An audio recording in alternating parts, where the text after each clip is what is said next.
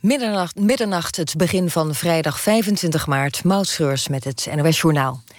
In Brussel en vlakbij Parijs is de politie uitgerukt voor antiterreuracties. In de Brusselse gemeente Schaarbeek zijn zes mensen gearresteerd. In Parijs eentje. De actie in Brussel had te maken met de aanslagen van dinsdag. De Belgische politie wil nog niet vertellen waar de zes arrestanten precies van worden verdacht en welke identiteit ze hebben. De Franse autoriteiten zeggen dat ze met de invallen bij Parijs een nieuwe aanslag hebben vereideld. En de twee broers die dinsdag zelfmoordaanslagen pleegden in Brussel waren al bekend bij de Amerikaanse inlichtingendiensten. Ze stonden daar volgens nieuwszender NBC op een terreurlijst. De Belgische minister van Justitie zei gisteren nog dat de broers Bakrawi in België niet in verband werden gebracht met terrorisme. Ibrahim El Bakrawi blies zichzelf op in de vertrekhal van vliegveld Saventem. Zijn jongere broer pleegde een uur later een zelfmoordaanslag in een Brusselse metro. De politie heeft na een wilde achtervolging op de A1 bij Muiden drie mannen opgepakt. Agenten zagen in Amsterdam Zuidoost dat de automobilist zich vreemd gedroeg. Toen die merkte dat de politie achter hem aanging, reed hij vol gas de A1 op. En daar gooiden de mannen drugs uit het raam. Bij Muiden kwam een eind aan de achtervolging. En die leidde korte tijd tot een file op de A1. De hele voetbalwereld staat vandaag stil bij het overlijden van Johan Cruijff. In Spanje en vooral in Barcelona wordt ook getreurd om zijn dood. Fans van Barcelona willen dat hun stadion Camp Nou wordt omgedoopt tot het Johan Cruijff Stadion. Ze zijn in actie via social media begonnen. Supporters van Ajax zijn vanavond bij elkaar gekomen bij het standbeeld van Cruijff bij het Olympisch Stadion in Amsterdam. En bij het ouderlijk huis van Cruijff in Betondorp zijn al veel bloemen neergelegd.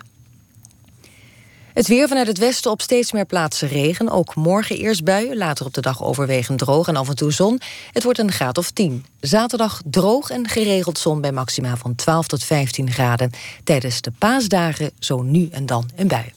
En tot zover het NOS Journaal. Dan nu ANWB Verkeersinformatie. 1 file, de A20, hoek van Holland richting Gouda. Tussen Rotterdam Centrum en knooppunt Terwesterplein. 2 kilometer door wegwerkzaamheden. En tot zover de verkeersinformatie. NPO Radio 1. VPRO. Nooit meer slapen.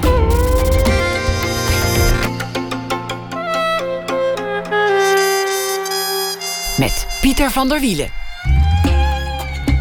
Goedenacht en welkom bij Nooit meer slapen. Aan het eind van de dag die de geschiedenis in zou gaan als de sterfdag van Johan Cruijff.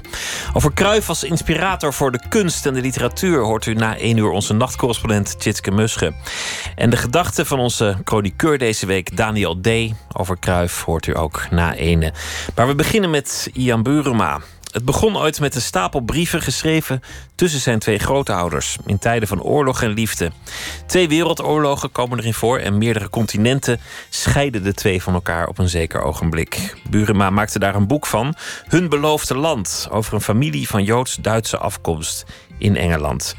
Burema zelf werd geboren in 1951, groeide op in Den Haag als kind van een Nederlandse vader en een Engelse moeder. Ontplooide zich op vele vlakken, studeerde geschiedenis en later sinologie. Werd kenner van de Japanse geschiedenis en literatuur, van de geschiedenis in het algemeen. Schrijver van essays voor onder meer de New York Review of Books, waar hij sinds 1985 voor schrijft. En momenteel is hij vooral hoogleraar in New York in de mensenrechten, democratie en de journalistiek. Eerder schreef hij het boek 1945, een biografie van een jaar. Hij schreef ook De dood van een gezonde roker over de dood van Theo van Gogh. Anglomanie over de liefde voor Engeland en nog heel veel meer boeken die ik niet allemaal kan noemen. Hij schrijft in het Engels en in 2008 won hij de Erasmusprijs. Ian Burema, welkom. dank. Zo'n familiegeschiedenis dat, dat begint vaak met, uh, met een doos of een, of een koffer of een, uh, of een, of een tas met, met iets stoffigs. Je vertelt toch niet in het boek exact waar, waar het lag en waar je, waar je het vond, maar uh, wat was het? Nou, het lag in, uh, in, een, een, huis dat een van mijn ooms, uh, de filmregisseur John Schlesinger, um, had in, in Sussex, in, in een landelijk deel van Zuid-Engeland. En daar in een nogal smerige ruimte lagen een hele hoop koffers, dozen, stalen kisten en dat soort dingen met het familiearchief. Uh, wat mijn grootouders en ook hij allemaal heel zorgvuldig hadden bewaard. En in een van die stalen koffers, vol met uh, muizenkeutels, uh, lagen stapels brieven. En ze hadden duidelijk nooit een één brief weggegooid. Ik denk ook niet dat het hun bedoeling is geweest dat die zorgvuldig zouden worden gelezen, laat staan gepubliceerd. Maar ze konden het ook niet over hun hart krijgen om, om zoiets weg te gooien. Dus, en, en ik geloof dat ik de eerste heb gelezen omstreeks 1999, 19, 2000, toen ik bezig was aan dat boek over Anglomanie. Over Engeland, want, want het thema van dat boek was de liefde voor Engeland. En, en die kwam er bij, bij jezelf uit voort. Dat, dat je opgroeide in Nederland, maar dan af en toe met de kerst daar naartoe ging. En daar dan dat Brits zijn van die familie rond de kerst meemaakte. Wat zijn jouw eigen herinneringen aan je grootouders? Ja, in de eerste plaats, het boek was niet zozeer over liefde voor Engeland. Het ging over hoe uh, er in Europa en de rest van Europa... en in, in, de geschiedenis, dus Duitsland, Frankrijk, andere landen... daar een soort cult, een, een anglofilie uh, had bestaan... en waar dat nou uit voortkwam. In mijn geval was het natuurlijk heel persoonlijk. Ik, ik groeide op in Den Haag. Ik was er absoluut niet ongelukkig. Maar het was enigszins uh, gezapig uh, vergeleken bij het leven van mijn grootouders. Die leefden op hele grote voet. Die hadden een heel mooi huis. Uh, een oom die films maakte. Een tante die actrice was. Uh. En, gedeeltelijk woonde de familie ook in Londen, wat natuurlijk een veel grotere stad was. Dus het, het was voor mij een, wereld van, van glamour als kind. En dat vereenzelvigde ik met het land waar ze in woonden. En ik dacht, dat is Engeland. Het was natuurlijk een volslagen uh, scheef beeld.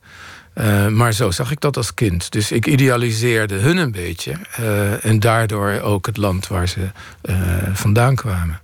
Zij waren op het eerste gezicht heel erg Brits. Althans, zoals jij beschrijft dat ze kerst vierden. Dat is anders dan, dan mensen het waren ook ter wereld elders zouden doen. Misschien wel Britser dan, dan de koningin, om het maar meteen te overdrijven. Ja, en ik heb niet eens gezien hoe ze dat deden voordat ik geboren was. Want uh, toen, als de koningin of de koning op de radio zijn kersttoespraak uh, gaf, dan moest de hele familie moest in de houding springen. En uh, uh, s'avonds, als mijn grootvaders samen dineerden, ook als er geen gasten waren, dan trokken ze ook nog echt avondkleding aan en zo. Dat heb ik allemaal niet meer meegemaakt. Maar dat was van, meer van voor de oorlog. Maar echt patriotisme. Maar dat hadden ze heel erg sterk, ja. En ik denk dat dat in de eerste plaats natuurlijk toch wel vrij, nog vrij sterk aanwezig was in Engeland. Uh, je merkte toch wel aan het gedrag van Engelsen uh, in die tijd. Dat, het was nog niet zo heel lang na de oorlog, tenslotte.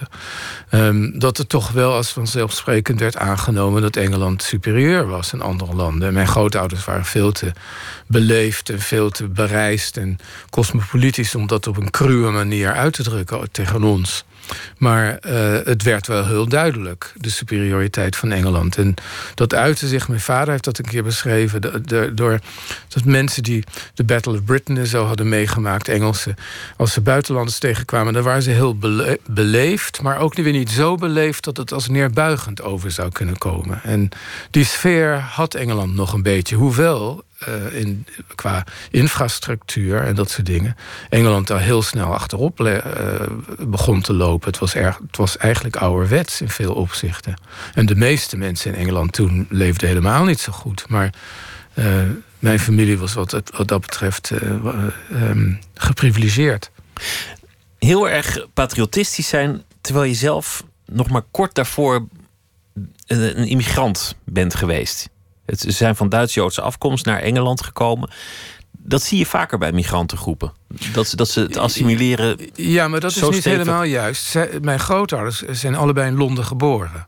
Dat waren geen immigranten. Hun ouders waren immigranten. Dus mijn overgrootouders kwamen in de jaren 1880 uit uh, Frankfurt uh, en ten dele uit Kassel uh, naar Engeland. En mijn, mijn grootouders zijn dus in, die, die zijn inderdaad opgegroeid in die milieus van, van immigranten, Jood, Duits-Joodse immigranten. Ik denk dat hun ouders, hun vriendenkring bestond voornamelijk uit dat soort mensen. En ze woonden in Hampstead, Noord-Londen. En mijn grootouders hebben hebben denk ik vrij snel alles gedaan om een beetje uit dat milieu te ontsnappen.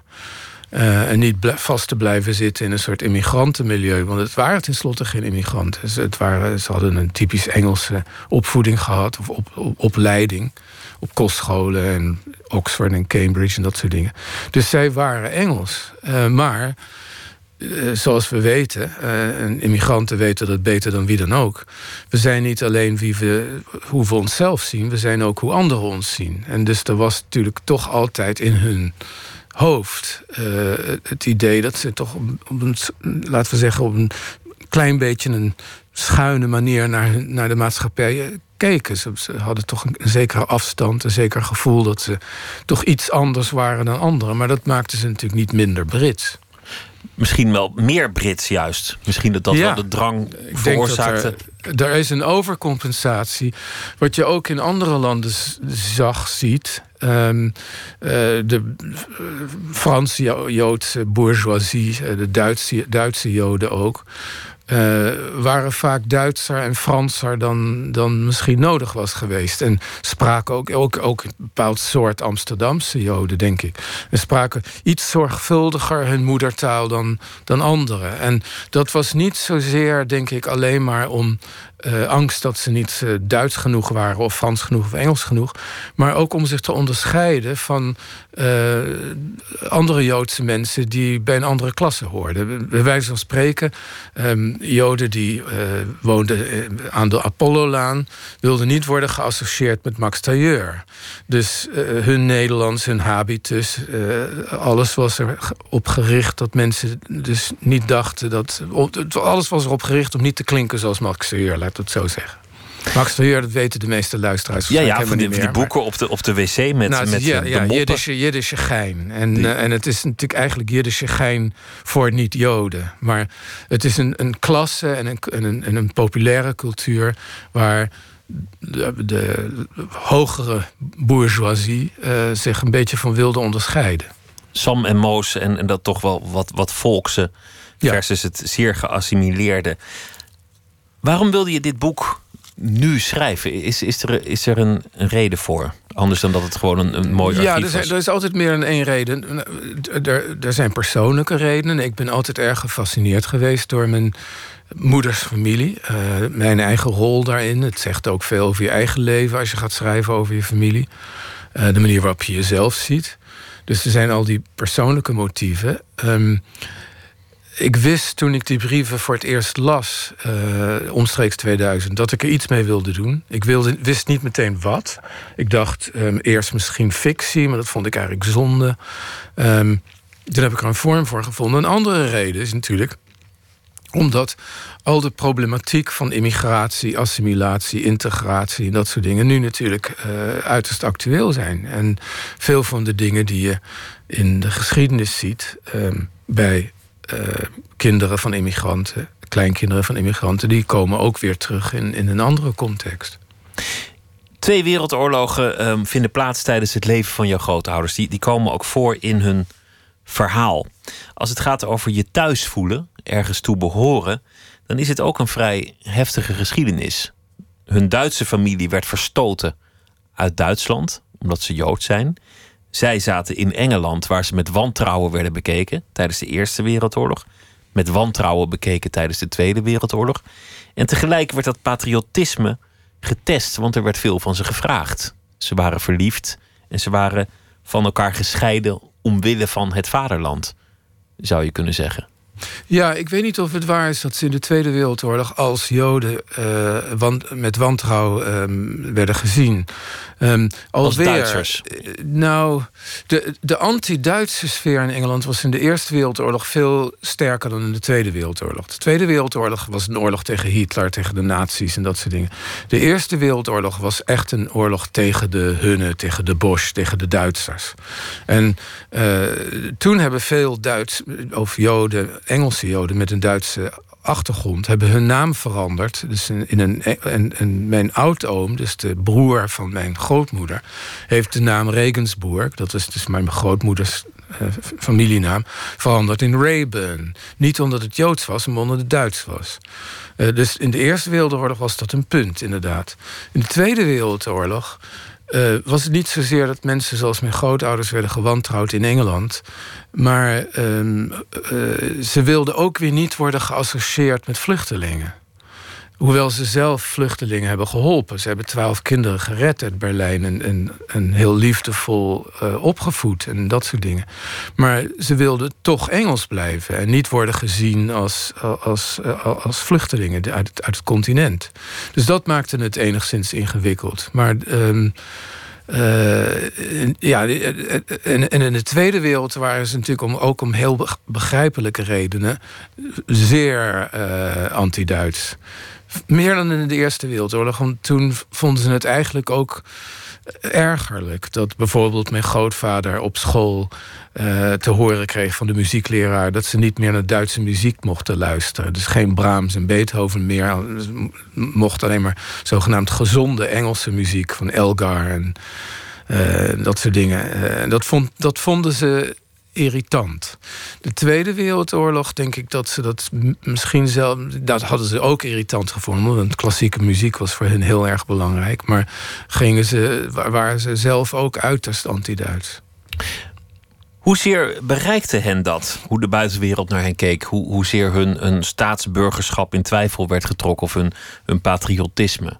Op welke momenten werd ja, dat weer, Het is gevoeld? te sterk gezegd dat hun, patriotisme in twijfel werd getrokken. Ik denk meer dat er was natuurlijk voor de oorlog, en niet alleen in Engeland, en misschien in Engeland zelfs minder dan in andere landen, maar zeker ook in Nederland. Hoe hoog je ook gestegen was als Jood, er was natuurlijk altijd een, een hoop sociaal antisemitisme. Het is niet zo heel lang geleden dat je als Jood geen lid kon worden van de grote industriële club in Amsterdam.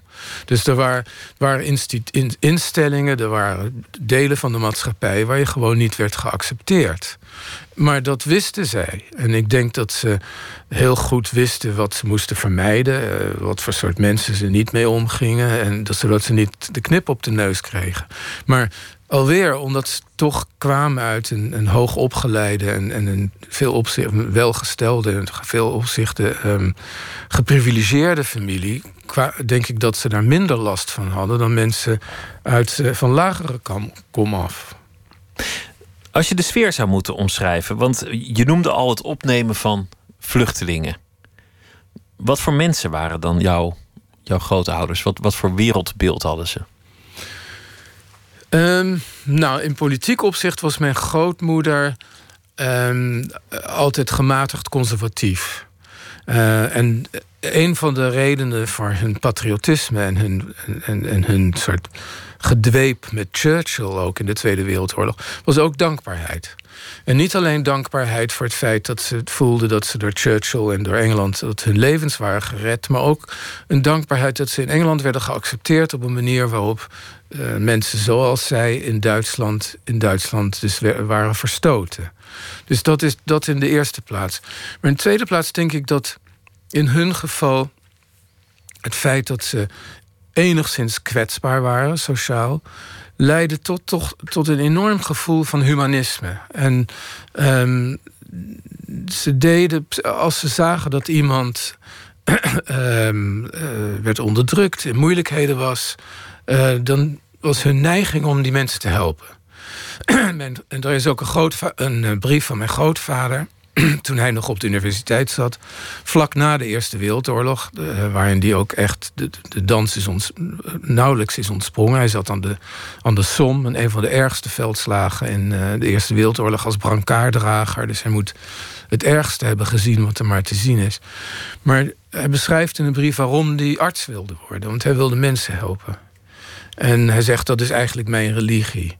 En ik denk dat de reden dat ze die twaalf kinderen hebben gered uit Berlijn in 1939, al begon, al in 1938, uh, eh, is eh, heel sterk daarop terug te voeren. Maar nog merkwaardiger, uh, na de oorlog, de, de, de, eerste kerst na de oorlog, na alles wat er was gebeurd, de concentratiekampen, familie gedood, anti-Duits, et cetera hebben zij zich opgegeven om twee Duitse krijgsgevangenen uh, kerstmis mee te laten vieren met de familie. Ook omdat ze zagen, die mensen hebben het, hebben het slecht. Um, die hebben enigszins bescherming nodig. Het is ook niet hun schuld, de oorlog is afgelopen. We moeten ons over die mensen ontfermen. Zo dachten ze wel. Dat zal geen gezellig etentje zijn geweest. Hoezeer iedereen ook zijn best doet, zo, zo kort na de oorlog.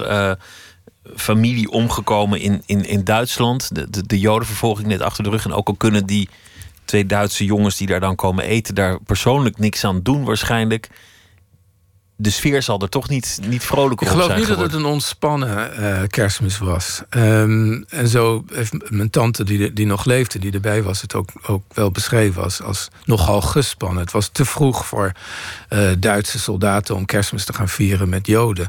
Aan de andere kant, die, die twee Duitsers zijn het nooit vergeten. En uh, het was een soort ja, voor hun uh, een, een, een, een, humane daad die misschien hun vertrouwen in de mensheid weer terug hebben gegeven. Maar ze zijn het nooit vergeten. En toen mijn oom uh, jaren later, in de zestiger jaren, met een film in uh, Hamburg, geloof ik, een Duitse prijs kreeg, dan stonden zij ook daar helemaal vooraan met bloemen en met tranen in de ogen. Dus één zo'n daad kan toch een heel leven beïnvloeden. Omdat ze hun menselijkheid terugkregen, hun, ja. hun waardigheid. Het gaat ook over de, seksuele mores van de tijd. Het gaat ook over um, het maken van een carrière. Het gaat ook over uh, het uitvinden wat je wil in je leven. Over loyaliteit, uh, patriotisme. Je schrijft er ook mooie dingen over. Van wat is eigenlijk belangrijker? Je persoonlijk geluk, je huwelijk of het vaderland? Dat, dat is nog vrij ingewikkeld om, om dat te duiden. Dat zijn kwesties die natuurlijk nooit rechtstreeks worden gesteld. Je huwelijk of je vaderland. Hoe kom je erachter hoe die, hoe die gespletenheid zit? Ik weet niet of het gespleten was. Ik denk dat het in het hoofd van uh, iemand als mijn grootmoeder allemaal in elkaar overliep.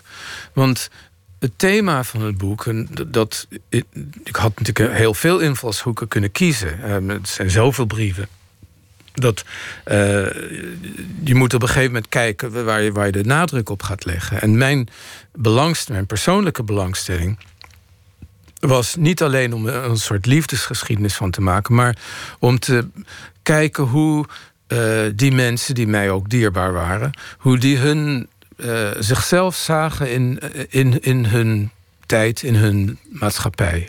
En, en, en hoe ze hun plaats vonden.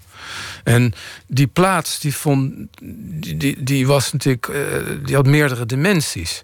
En voor mijn grootmoeder, en ook wel voor mijn grootvader, betekende dat in de eerste plaats een plaats met elkaar. En een soort, dat was een soort voor hun een, soort veilige haven. En dan was het de familie. Het is ook niet voor niets dat, vaak on, onder minderheden de familie ontzettend belangrijk is. Want de familie geeft je een soort bescherming.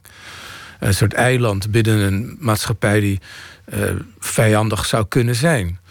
Uh, en de derde plaats het land zelf. Dus voor mijn grootmoeder, mijn grootmoeder zegt dan wel in brieven soms van uh, er zijn drie dingen waar ik van houd en het meeste van houd. En dat, dat zijn jij, haar man, en dat is Engeland en dat zijn mijn kinderen. En niet noodzakelijk, nou waarschijnlijk wel noodzakelijk in die volgorde. En dat zegt ze ook eigenlijk. maar eh, het is niet gespleten. Want die drie zijn, waren in haar hoofd, denk ik, uh, erg uh, met elkaar verbonden. Dat is één in, in, het, in het leven.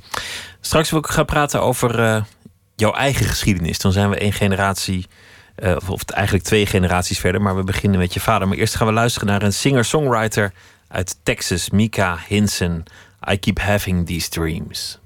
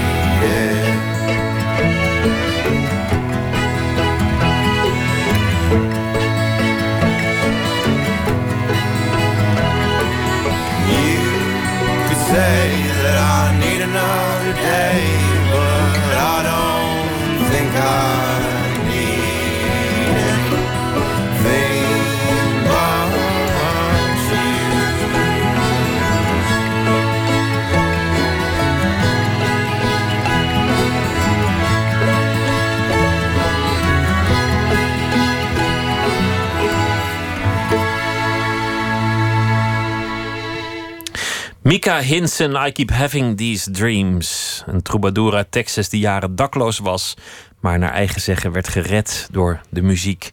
Ian Burema zit tegenover mij. Hun beloofde land heet het boek. Mijn grootouders in tijden van liefde en oorlog. In 1951 zelf geboren, in de, nou ja, vrij kort na de bevrijding. Die, de oorlog was nog overal aanwezig. Je eigen vader was teruggekomen uit Duitsland, overleefde de oorlog te nauwe nood. Dat beschrijf je aan het begin van het boek 1945.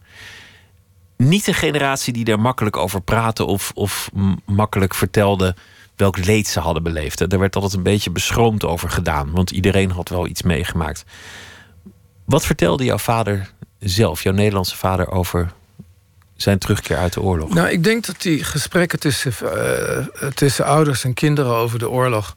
Er zitten natuurlijk twee kanten aan. Het, het wordt wel eens gedaan van ouders die deden hun mond niet open, dus de kinderen wisten niet wat hun ouders hadden meegemaakt. Ik denk dat dat ook wel eens kwam omdat die kinderen geen vragen stelden of het saai vonden om die verhalen te horen. En ik was altijd geïnteresseerd. Al, van heel jongs af aan. Dus ik heb nooit het idee gehad dat mijn vader heel erg zwijgzaam was. Hij praatte er wel over. Ehm, misschien niet altijd over de allerrotste dingen die hij had gezien. Maar ehm, eh, hij was redelijk spraakzaam. In het geval van mijn, mijn grootvader, eh, van mijn moederskant, dus mijn Engelse grootvader, was het heel opvallend dat hij nooit praatte over wat hij in de Eerste Oorlog had meegemaakt. Want dat was duidelijk zo vreselijk. Dat Aan de Somme, dat- dat aan de Somme en zo, de- en in Salonika en, en in Griekenland. Daar wilde hij niet echt, echt niet, niks echt over kwijt. Hij praatte wel veel over de Tweede Wereldoorlog toen hij in India zat. En eh, wat een betrekkelijk prettige tijd voor hem is geweest. Daar had hij wel allerlei herinneringen aan. Maar de Eerste Wereldoorlog praatte hij niet over. Dus dat was inderdaad een voorbeeld van iemand die bewust had verdrongen. Eh, dat gold niet voor mijn vader, eh, zijn ervaring in de Tweede Wereldoorlog. Je vader heeft uh, te nauwernood de oorlog overleefd. Hij was student, werd te werk gesteld in Duitsland, zoals heel veel Nederlandse jongens. Aan het eind van de oorlog is hij verzwakt. En er komt een moment dat hij bijna tegen de muur werd gezet om, om geëxecuteerd te worden. Wat, wat gebeurde daar precies? Nou, hij zat in een huis in, in, uh, in Dahlem, in Berlijn. Uh, bij uh, een Duitse mevrouw. En daar was ook een advocaat, een Duitse advocaat, die getrouwd was met een Joodse vrouw. En die had een revolver. En, en, een la. En de revolver had hij bewaard voor het geval dat zijn vrouw zou worden gedeporteerd. En dan zouden ze samen zelfmoord plegen. En op een gegeven moment kwam het Rode Leger, dus de Sovjets kwamen, kwamen binnen, kwamen in dat huis, hebben huiszoeking gedaan en vonden die revolver. En de soldaten die die revolver vonden, uh, die spraken geen gemeenschappelijke taal, spraken dus alleen Russisch. Um, en dachten dus dat de, mijn vader en die advocaat en die hospita... dat het allemaal foute Duitsers waren. En hebben ze tegen de muur gezet.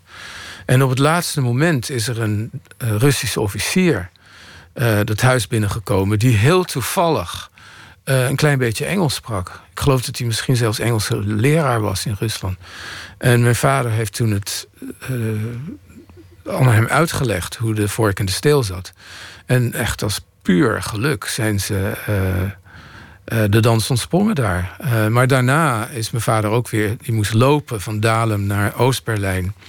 door de ruïnes en, en alles. En is toen van honger en uitputting in elkaar gestort. En, en is door een, een hoer toen gered... Um, en um, een beetje bijgespijkerd. En uiteindelijk in een soort vluchtelingenkamp terechtgekomen. En vandaar weer terug naar Nederland. Wat heeft dat met hem uh, gedaan? Was hij getraumatiseerd? Nou, dat is heel moeilijk van iemand te zeggen natuurlijk. Precies wat zoiets heeft gedaan. Um, het heeft hem nooit helemaal losgelaten. En er zijn bepaalde dingen die hij nog steeds heel onplezierig vindt. Hij leeft nog. Um, Eén daarvan is, is, is, dingen, is hele harde knallen en vuurwerk en zo. Want dat doet hem toch weer denken. Dan komen die herinneringen weer terug van de bombardementen. En um, in 1989, dat was, was, mijn idee, waren we, mijn zussen en ik, en mijn vader en ik, uh, en mijn vrouw en, en, dochtertje, uh, zijn toen naar Berlijn gegaan om uh, een nieuwjaar te vieren, of oud en nieuw, aan de muur. Dat was natuurlijk het jaar dat de muur naar beneden kwam, bij wijze van spreken. En toen zijn we hem kwijtgeraakt, ergens omstreeks middernacht, met knallende kurken en vuurwerk en zo. En we konden hem niet vinden. En toen zijn we teruggegaan naar het hotel. En toen kwam hij uren later met een groot verband over zijn uh, gezicht. En het moment dat wij hem kwijt zijn geraakt... is een vuurpijl tussen zijn ogen uh, terechtgekomen. Uitgerekend hij. en dat denk ik, dat heeft wel oude herinneringen weer wakker gemaakt.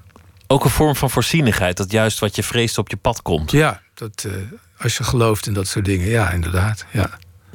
Dan groeide jij op met, met, je vader die dat had meegemaakt en nou ja, de draad heeft opgepakt. En je, en je moeder die, die van een Duits-Joodse, Engelse familie kwam en in Nederland uh, verzeild raakte.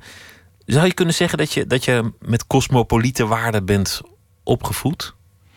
Ja, ik weet niet precies wat dat betekent, uh, cosmopoliete waarden. Maar um, wel met een um, sterk besef uh, van culturele verschillen, nationale verschillen, um, gevoeligheid ervoor uh, en, en ook een belangstelling, een fascinatie. Dus um, het heeft me denk ik een beschouwende blik gegeven die heel nuttig is als je, als je um, gaat schrijven. En, van, en het, ik, moet, ik, kan niet zeggen dat ik heb geworsteld met het feit dat ik uit verschillende culturen kwam. Helemaal niet. Het, ik vond het eigenlijk altijd wel interessant. Het heeft je iets um, gegeven. Het heeft me iets extra's gegeven. Maar cosmopoliet wordt, wordt vaak verondersteld van iemand, een soort wereldburger, die is overal thuis. En dat niemand is natuurlijk overal thuis. Je bent in bepaalde plekken ben je veel meer thuis dan in andere plekken. En omdat die een, een, een deel van jezelf uitmaken. En dat geldt voor mij zeker. Engeland en Nederland zijn voor mij belangrijker dan. Uh, dan, dan Frankrijk of Duitsland of Italië. Omdat je daar meer persoonlijke binding mee hebt. Maar zoals, ja. je, zoals je grootmoeder zei, eerst Engeland en dan mijn kinderen. Eerst mijn echtgenoot, dan het vaderland en dan mijn kinderen. Nee, dat heb, gevoel heb ik natuurlijk nooit gehad. Maar ik denk de meeste van mensen van mijn generatie hebben dat niet. Uh, en bovendien, niet, nee. uh, sinds de 17e eeuw is in Engeland en Nederland nooit een oorlog geweest. Dus um, het dilemma heeft zich nooit voorgedaan. Um, Arthur Kussler, beroemde, zo langzamerhand ook door de meeste mensen vergeten schrijver, maar eens een hele beroemde schrijver die in Hongarije geboren is. In Wenen is ten dele is opgegroeid, in, Duits, in Berlijn voor de oorlog een journalist was, daarna in Frankrijk en uiteindelijk in Engeland, waar die Engelsman is geworden. Heeft in drie talen geschreven uh, tijdens zijn leven. Die zei altijd: je hebt, je hebt patriotisme en je hebt voetbalpatriotisme. En die, dat zijn twee verschillende dingen. En voetbalpatriotisme is misschien wel de sterkste van de twee. Ik moet toegeven dat als, uh, bij, als het op voetbal aankomt en Nederland speelt, speelt tegen Engeland, dan ben ik voor Nederland. Dan, is het, dan, dan moet je ook duidelijk kiezen. Je kunt niet naar zo'n wedstrijd gaan. En nee, maar, maar het is niet zozeer een bewuste keuze. Dat is bijna instinctief. Aan de andere kant, als Engeland speelt tegen uh, cricket speelt of zo tegen Australië, dan ben ik helemaal voor Engeland. Dus het hangt, dit soort dingen hangen ook een beetje van die situatie af. Maar die emoties hebben we natuurlijk allemaal wel. Ook, ook van onze generatie. Maar uh, niet in, in dezelfde mate als onze ouders of grootouders, denk ik. Nee. Je vond het iets wat saai in Den Haag, waar je opgroeide. Je keek uit naar de bezoeken aan Engeland. Je ging studeren in Leiden. Aanvankelijk geschiedenis al vrij snel Nee, dat is niet helemaal juist. Um, ik, ik dacht dat ik misschien geschiedenis zou gaan studeren... maar ik heb heel kort rechten gestudeerd. En dat was niks voor mij. En um, toen heb ik Chinees gekozen, of sinologie. En had daar geen diepe gronden voor. Ik wist niks van China. Ik kende in, in Londen, want dat was ook een beetje mode in die tijd. Azië en zo. Wierook en uh, stickies roken. Ik kende in Londen, uh, leerde ik wat Indiaanse mensen kennen. En ik dacht, god, daar is een hele wereld waar ik niks van weet. Dus ik dacht, ik moet iets gaan studeren wat misschien wat, wat exotisch is. Wat andere mensen niet doen. En wat misschien ooit eens nuttig zou kunnen zijn. Toen heb ik uh, Chinees gekozen. Wat helemaal niet nuttig was toen. En het was ook een beetje alsof je de, de, andere kant van de maan bestudeerde, want je kon er ook niet naartoe, tenzij je een officiële vriend van het Chinese volk was. En uh, ik zag toen in het Mikri Theater in Amsterdam, toevallig, veel Japans, modern Japans toneel en ook Japanse film in Amsterdam, in Parijs, in Londen. En ik dacht, god, het is eigenlijk veel interessanter. en ik ben toen naar Tokio gegaan met een beurs uh, om film te studeren. En ben een beetje van, van China. Dus in plaats van China heb ik me op Japan gericht. Daarna, in de tachtiger jaren, ben ik me weer gaan interesseren voor China. Maar zo is het een beetje gegaan. Zo werd je uh, Japan-kenner. Dat geeft ook een perspectief aan, aan dat beeld waar je het net over had. Ik heb meerdere blikken gekregen, omdat ik, dat ik meerdere culturen in mijn biografie kan noemen die Oosterse blik, die, die, die speelt toch in, in het werk vaak mee. Ja, ik denk. Uh, het is altijd moeilijk om van jezelf helemaal te analyseren in die dingen. En misschien moet je dat ook niet doen. Maar ik denk dat er wel. Dat er verschillende redenen. Ik kan verschillende redenen bedenken waarom ik altijd geboeid ben gebleven door Japan. In de eerste plaats, net als Engeland, is het natuurlijk in zekere zin een beetje een geïsoleerde cultuur. Uh, die al, er zit water tussen Japan en de rest van Azië. Ze hebben altijd tegen Azië aangekeken als zichzelf als, als toch anders beschouwd. Uh, is nogal exclusief. Dat is fascinerend. En ik denk ook dat ik een sympathie heb voor landen in de periferie, die dus uh, nooit het centrum zijn geweest en altijd moeten kijken naar het centrum om bij te blijven, om te leren, uh, om niet achter te blijven en dat soort dingen. En um, Chinezen hebben heel sterk, nog steeds heel sterk het gevoel dat zij zitten in het middenpunt van de wereld en anderen moeten naar hun kijken. Japanners en Koreanen hebben dat natuurlijk niet. Die kijken altijd naar, vroeger naar China en later naar de Verenigde Staten en Europa om uh, om, het bij te benen. Een klein beetje zoals ik als kind keek naar Engeland. En ik denk dat, dat, dat ik daardoor toch een, een, sympathie heb voor, voor dat volk. Langs wat omwegen ben je terechtgekomen in New York, waar je nu al enige tijd zit. Uh, mensenrechten en democratie en journalistiek is, is daar het vak dat je, dat je doseert. Hoe kun je dat eigenlijk bijhouden? Zoveel interesses, zoveel vakken, zoveel aandachtsgebieden? Nou ja, eh, ehm, de beschrijving van mijn baan. Ik geef inderdaad de helft van het jaar geef ik college in zogenaamd democratie, mensenrechten en journalistiek. Maar dat is zo vaag dat ik het zelf kan verzinnen elk jaar. Uh, dus ik kan doen waar ik zin in heb. En dat is een enorm uh, voorrecht.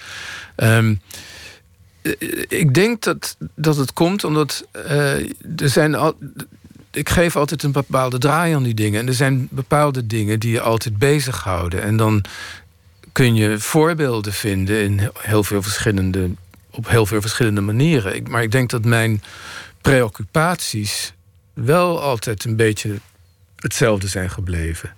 Uh, ik ben altijd geïnteresseerd, en in dit boek ook weer, uh, geïnteresseerd geweest in hoe mensen hun plek vinden. En wat, het, wat het betekent om ergens bij te horen, bij een cultuur, bij een land. Hoe je je definieert.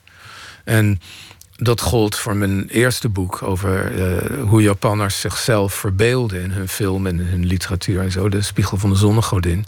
En het geldt voor dit boek.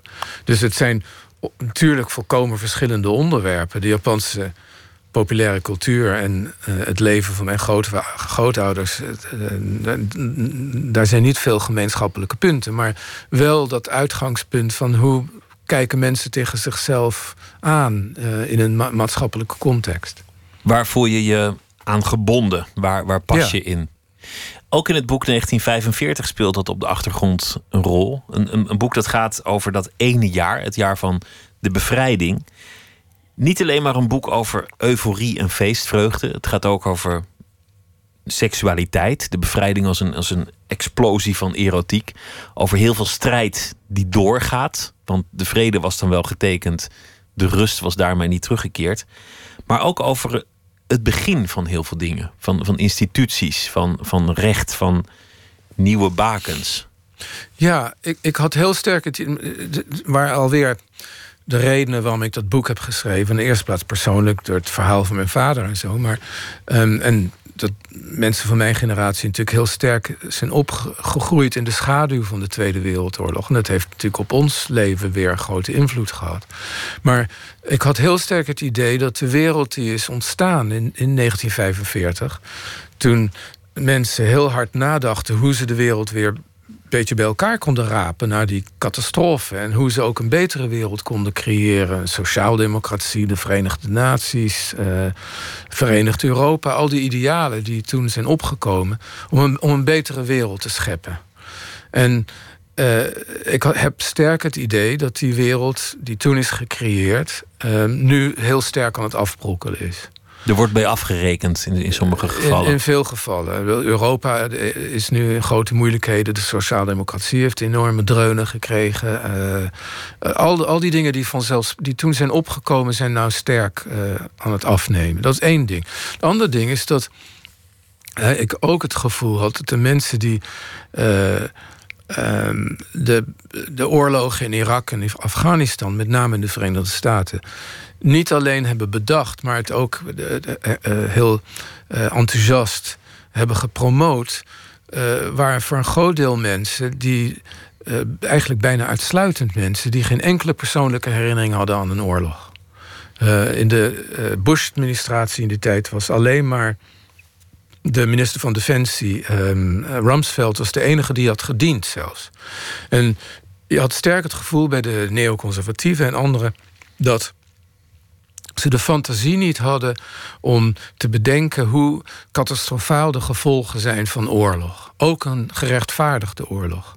Misschien hadden ze wel de droom van, van het beeld van 1945 om met vlaggetjes en confetti onthaald te ja, worden. Dus mijn, daar, met, met, en daarom wilde ik laten zien dat zelfs de volkomen gerechtvaardigde oorlog tegen het uh, Derde Rijk ook eindigde in veel landen in, catastro in, in catastrofale uh, toestanden. En dat idee van als je de dictator ten val brengt, Saddam Hussein of wie dan ook, dan, uh, dan, dan, sta, dan staat iedereen met vlaggen te zwaaien en dan krijg je een democratie. Dat is natuurlijk. Dat, in de meeste gevallen is dat niet zo. En dat was ook in 1945 niet zo. En als je het hebt over je ergens thuis voelen, over uh, in een gemeenschap behoren, het gemak waarmee in 1945 mensen werden verplaatst, of landen even op de kaart werden getekend of opgeëist, dat is achteraf onvoorstelbaar hoe makkelijk dat ging tussen de, de wereldleiders een klik met de pen kon, kon bij wijze van spreken voldoende zijn om een land ja, maar, maar vaak met, uh, met afschuwelijke uh, gevolgen voor de mensen. Bedoel, uh, Churchill en, en, en, Stalin en Roosevelt hebben inderdaad besloten van, dat de Duits sprekende bevolking in Tsjechoslowakije en Polen en zo, die moesten allemaal massaal maar af worden gevoerd naar, richting Duitsland. Maar, en niemand had medelijden met de Duitsers in die tijd. Maar dat heeft, het is natuurlijk een verschrikkelijk. Dat, daar, is het probleem van de Syrische vluchtelingen nu bijna niks bij vergeleken. Dat waren ook honderdduizenden mensen die helemaal verhongerd en vaak uh, op de meest vreselijke manier uh, ge, gepijnigd en gemarteld aankwamen. En dat, daar dacht men natuurlijk toen ook veel te makkelijk over. En dat hele idee van etnische zuivering is toen met, met de instemming van de geallieerden eigenlijk, uh, ik zou niet zeggen begonnen, maar uh, in, in de moderne geschiedenis wel begonnen. Laten we het over het heden hebben. Vorig jaar werd je uh, ingedeeld om een maand in, in Brussel te verblijven vanwege een, een project. Doet er eigenlijk niet zo heel veel toe wat het project precies was, maar je hebt een maand in Brussel rondgelopen. Net in de tijd dat Brussel het centrum van de aandacht van de wereld werd, waar het ging om jihad en terreur. Deze week opnieuw is, is Brussel het decor van, uh, van aanslagen en zijn alle blikken gericht op een ontwrichte stad. Hoe kijk jij daar tegenaan, tegen die stad? Wat, wat heb jij toen meegemaakt nou en hoe ik, heb je ernaar gekeken? Ik, ik was een, uh, een, gast van de Vlaam, Koninklijke Vlaamse Academie. En uh, ik heb wel een zwak voor Brussel. Het, het probleem van Brussel is dat um, de, de overheid niet is zo verbrokkeld Um, en ook het dus politieapparaat, hoe Brussel bestaat uit 19 gemeentes, dat, die, die, nauwelijks samenwerken. Dat er, de overheid zich eigenlijk heel weinig bemoeit met de bevolking. En aan de ene kant is dat heel mooi. En dat gaat al terug naar de 19e eeuw. Dat is waarom Brussel ook een hele vrije stad is geweest altijd. Waar en Karl Marx die zat en, en ja, Karl Marx die, heeft daar eh, een deel van het kapitaal geschreven. En Baudelaire zat daar omdat hij in Frankrijk zijn gedichten niet kon uitgeven en dat soort dingen. Eh, dus dat is heel goed. Aan de andere kant uh, betekent het ook dat in die achterstandswijken en zo er niks is gedaan om te zorgen dat niet alleen dat je goede inlichting had, dat je dingen zekere controle had. Maar dat er ook echt een. Uh, dat de overheid zich bemoeide ook op een positieve manier met uh, wat er leefde in die, in die buurten. Dus, en daar zien we, hebben we nu de gevolgen van gezien. Want toen ik er zat, was net voor. Um, de aanslagen in Parijs. Dus ik en ben daarna nog weer teruggegaan. Toen reden er allemaal panzerwagens door de straten. Natuurlijk alleen maar machtsvertoon. Want wat moet je nou met een panzerwagen tegen mensen die met een. Een zelfmoordgordel omlopen. Um, en uh, helaas heb ik deze week staat er een artikel van mij over Brussel in de New York Review of Books. Dat net uh, van de pers ging een week voor de laatste aanslagen in Brussel, waarin ik zeg dat Donald Trump en anderen die beweren dat Brussel een hellhole is en geweldig gevaarlijk, dat dat sterk is overdreven. Dat geloof ik nog steeds, maar de timing is ongunstig. Nou, het, het is een wonderlijk, want Brussel is het symbool van, van Europa, de hoofdstad van Europa, eh, van grote, imposante glazen gebouwen waar beslissingen worden genomen. Brussel is wat Trump dan noemt een hellhole, maar in diezelfde wijken, Molenbeek, daar, daar zitten ook gewoon uh, espresso barren voor jongens met baarden. Ja, en niet zo heel veel in Molenbeek hoor. De molen, het, het, gevoel wat je krijgt in, in Molenbeek is. Schaarbeek meer. Nee, ook niet. Het is niet het, je voelt je niet bedreigd. Het is niet gevaarlijk om daar rond te lopen. Het is meer een, een gevoel van isolatie en, en, en, en, een hele hoge werkloosheid. Dus heel veel jongeren die rondhangen zonder dat ze iets te doen hebben. En dat is natuurlijk een, een, een potentieel een, een, gevaarlijke situatie. Dus mensen die geïsoleerd zijn van, van de, de samenleving en niks te doen hebben. Dus die zoeken, sommige, veel daarvan zullen zoeken op een of andere manier eh, eh, iets om een betekenis aan hun leven te geven. Een, geborgenheid en, en, eh, te vinden. Een, zeker idee van, van macht en, en, waardigheid. Nou, op, een, op een perfide manier kan dat terechtkomen in een revolutionaire beweging zoals die bestaat in, in, in het Midden-Oosten en nu in Europa is overgewaaid. Een vergelijking die eigenlijk niet te maken is, die tussen jouw grootouders, afkomstig van migranten in Engeland, die dan iets patriotistischer willen zijn dan de koningin, als het, als het zou kunnen. En deze jongeren die geboren zijn in een land waar ze zich niet welkom voelen. Is dan het verschil gewoon de mate van welvarendheid? Geld? Nee, het is niet alleen maar geld. Uh, ik denk dat, dat opleiding een grote rol speelt en, en, en arbeidskansen. Bedoel, mijn grootouders kwamen uit een milieu waarin je hoog werd opgeleid en dus altijd. Uh, er zijn altijd moeilijkheden met discriminatie en zo, maar uh, altijd wel terechtkomt. Dus dan vind je wel een rol en vind je wel een betekenis voor je leven en dat soort dingen. Als je niet genoeg opleiding hebt om aan de slag te kunnen gaan op een betekenisvolle manier, uh, dan val je er buiten. En, en dat is heel gevaarlijk. En dat is natuurlijk niet een nieuw probleem. Maar daarom geloof ik dat regeringen die zogenaamd om ons, onze landen onaantrekkelijk te maken voor vluchtelingen, het haast uh, onmogelijk maken voor vluchtelingen om werk te vinden, dat is precies wat je niet moet doen.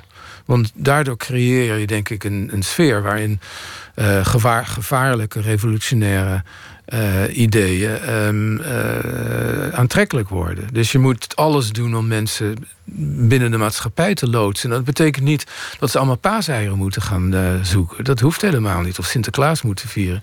Maar ze moeten wel een, een, een plaats vinden in de, in de economie. De oplossing is dus uiteindelijk integratie. Ja, en dat betekent niet noodzakelijk assimilatie. Assimilatie komt wel vanzelf meestal als mensen, als het, als mensen welvarender worden. Ze, dan, ze wonen niet meer met elkaar in bepaalde wijken en dat soort dingen. Maar de eerste stap is, is, is niet culturele assimilatie. De eerste stap is dat je een rol vindt in, een, in, een, in het land waar je woont. Een stad met uh, 19 politiedistricten, las ik in de krant. Dan ook nog gedeeltelijk een, een taalbarrière, organisatorische problemen uh, afdelingen die niet met elkaar willen communiceren. Geheime diensten die niet goed functioneren. Het is altijd makkelijk om achteraf te zeggen. Een ander probleem las ik vanochtend in een ingezonden brief in de, in de New York Times. Daar werd de vergelijking gemaakt met Amerika dat mensen in de omgeving van radicaliserende jongeren in de Verenigde Staten makkelijker de autoriteiten bellen dan in Europa. Dat daar in, in Brussel ook wel pogingen zijn gedaan om die jongens ervan af te houden, maar dat de autoriteiten weg worden gehouden. Kennelijk zijn die eng of, of voelt het als verraad om die te bedden. Ja, ik denk, ik weet niet waarom dat zo zou zijn, maar ik denk dat het komt omdat je toch, hoewel de steden in Amerika ook sterk gesegregeerd zijn, mensen houden zich nog steeds sterk bij, bij mensen zoals zijzelf. Um, uh, heb je minder gevallen van, van wijken en mensen die zich volkomen uh, geïsoleerd voelen van de rest van de maatschappij. Nou, je hebt natuurlijk het aparte probleem van de zwarte Amerikanen. Dat is een, een specifiek Amerikaans probleem, wat in, in Europa natuurlijk niet is. En de Afrikaanse immigranten, uh, ik woon zelf in Harlem. En de spanningen zijn veel minder tussen blank en zwart dan tussen de, de Afrikanen en de zwarte Amerikanen.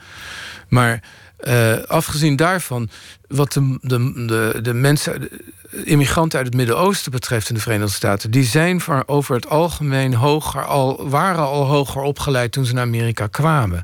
Mensen uit Iran, mensen uit, uh, andere delen van het Midden-Oosten. Vaak, vaak christenen, maar zeker niet altijd. maar we hoorden al tot de, de middenklasse en de hogere middenklasse. Dus je hebt niet een soort een laag opgeleid proletariaat, of althans veel minder, uh, die ontvankelijk kunnen zijn voor uh, revolutionaire ideeën. Een beeld dat nu steeds meer opkomt in, in de retoriek is het, het beeld van een oorlog. Hollande zei het, ik heb het de afgelopen week ook meerdere keren gehoord. Mark Rutte zei: Wij zijn met meer. Wie wij is, is dan niet helemaal duidelijk. Dan krijg je een tegenstelling die volgens mij aan de andere kant ook graag beleefd wordt. Namelijk, zij zijn tegen ons. Hoe doorbreek je dat precies? Dat, dat mensen ja, zich... door, door niet te zeggen wat... Uh, natuurlijk niet wat Wilders zegt, maar ook niet wat Rutte zegt. Want over Hollande, we zijn niet in oorlog. Het is een revolutionaire beweging. Die is ontstaan in het Midden-Oosten als in, in de eerste plaats als een rebellie tegen seculiere politiestaten. Zoals Egypte en, uh, en andere landen. Um, en dat, dat, dat waait over naar jongeren in Europa die hier om hele andere redenen vaak het moeilijk hebben. Dus inderdaad, wat ISIS wil, is natuurlijk steeds meer recruten winnen. En door het op de spits te drijven, is een klassieke revolutionaire strategie. Je, je, je provoceert eh, heftige tegenreacties, waardoor je mensen dwingt om partij te kiezen. En dan, dan wordt het ook een steeds ernstiger conflict. Dus eh, als je gaat praten over oorlog met hun en, en suggereert, dat, niet dat Mark Rutte dat doet, denk ik, maar suggereert dat we in oorlog zijn met de islam, dan krijg je precies wat ISIS wil. Je noemde eerder dat de instituties van 1945, een van de belangrijke thema's van, van het boek met die titel, onder druk staan op dit moment. Je, je hoort het ook vaak, ik hoorde het gisteren nog uit, uh, uit de mond van Frans Timmermans, van de EU kan uiteenvallen. Dat, dat soort woorden worden vrij makkelijk nu, nu gebezigd. Dat helpt ook niet echt als, als je zegt het ideaal is eigenlijk om te verenigen. Als dan intussen ook nog de instituties verkruimelen. Nee, dat is waar. Aan de andere kant ik, eh, ik, vond het eigenlijk wel verfrissend toen ik in Brussel zat verleden jaar. om te mensen als Frans Timmermans dat soort dingen te horen zeggen. Want het, het, het noopt wel tot, tot meer realisme. En vroeger was de neiging in Brussel om onszelf erg op, de borst te kloppen. en de EU te zien als een lichtbaken in de wereld. En wij hadden het allemaal voor elkaar en iedereen moest ons volgen. En dat was leidde toch tot een soort zelfgenoegzaamheid die, uh, die ergerlijk was. Dus eh, het feit dat hij waarschuwt dat het eh, nu echt de verkeerde kant op zou kunnen gaan, vind ik op zichzelf niet, niet, niet zo kwalijk. Want, want die kans is er. Het is inderdaad een, het is een hele benarde situatie en die kunnen we beter onder ogen zien.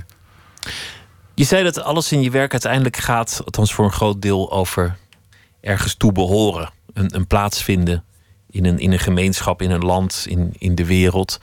Je hebt zelf een aantal continenten bewoond inmiddels. Je woont al in New York. Je bent nu even in Nederland om je vader te bezoeken. Is er uiteindelijk één plek waarvan je zegt, nou, hier behoor ik, als je dan een plek zou moeten binden? Nee, ik denk meer dan één plek. Um, ik voel me in New York perfect thuis, hoewel ik, zal nooit Amerikaan worden. Uh, ik voel me daar erg Europees. Um, maar ik voel me in Londen ook heel erg thuis. Het, het, uh, de stad van mijn moeder, de stad waar ik als kind altijd erg naar opkeek. Dat, waar, dat was echt uh, de grote stad voor mij. En uh, nu ik hier zit in Nederland, kan ik ook niet zeggen dat ik me hier niet thuis voel. Um, dus ik heb het voorrecht om op verschillende plaatsen thuis te kunnen voelen. Een nomadische stam misschien in je, in je eentje? Dat, dat je het wel een identiteit hebt en die, en die meeneemt. Ja, maar, ook, maar wel nomadisch. Uh, een, een, tocht met grenzen. Want uh, als je me vraagt, voel ik me thuis als ik in Sofia zit? Nee, dan kan ik niet zeggen dat ik me daar thuis voel. Maar je schrijft altijd in het Engels? Nou, niet altijd. Nee, ik heb ook dingen in het Nederlands geschreven. En um, toen ik in Brussel zat, heb ik voor de, voor de standaard dingen in het Nederlands geschreven. En af en toe voor. En ik vertaal mijn eigen columns voor de NRC Handelsblad in het Nederlands. Dus um, af en toe schrijf ik nog in het Nederlands, maar over het algemeen in het Engels, ja. Omdat het een makkelijker taal is om in te schrijven, of omdat je dat gewoon dagelijks nou, het is voor mij makkelijker geworden. Uh, omdat ik inderdaad de laatste 30 jaar heb ik, eh, of langer, uh, helemaal in het Engels geleefd. Uh, ik spreek nauwelijks Nederlands, behalve als ik mijn zus bel of mijn vader. Um, ik hou van Engels als taal. en het maakt je werk natuurlijk veel toegankelijker. En niet zozeer dat het. Soms denken Nederlandse schrijvers van. Oh, nou, als je in het Engels schrijft, dat is makkelijk, heb je zo'n bestseller. En dat is helemaal niet waar. Je hebt natuurlijk veel meer concurrentie. Als je het een groot taalgebied, ja, maar er verschijnt ook meer. Als je in Nederlands schrijft, heb je binnen Nederland een grotere kans om een bestseller te schrijven. Aan de andere kant, je wordt natuurlijk wel veel meer vertaald en dat soort dingen. Dus het, het, het, het is een enorm voordeel om in het Engels te schrijven. Dank dat je te gast wilde zijn. Het uh, boek heet Hun Beloofde Land. Ian Burema, dank je wel. Hartelijk dank. Zometeen uh, gaan we verder en dan gaat het over uh, Johan Cruijff... die afgelopen dag is overleden. We gaan het hebben over de betekenis van Cruijff voor de cultuur. Cruijff als inspirator voor schrijvers, dichters en kunstenaars en filmmakers. Twitter, het VPRO NMS. U kunt ons volgen op Facebook... En ons programma is te podcasten via iTunes of de website van de VPRO. vpro.nl slash nooit meer slapen.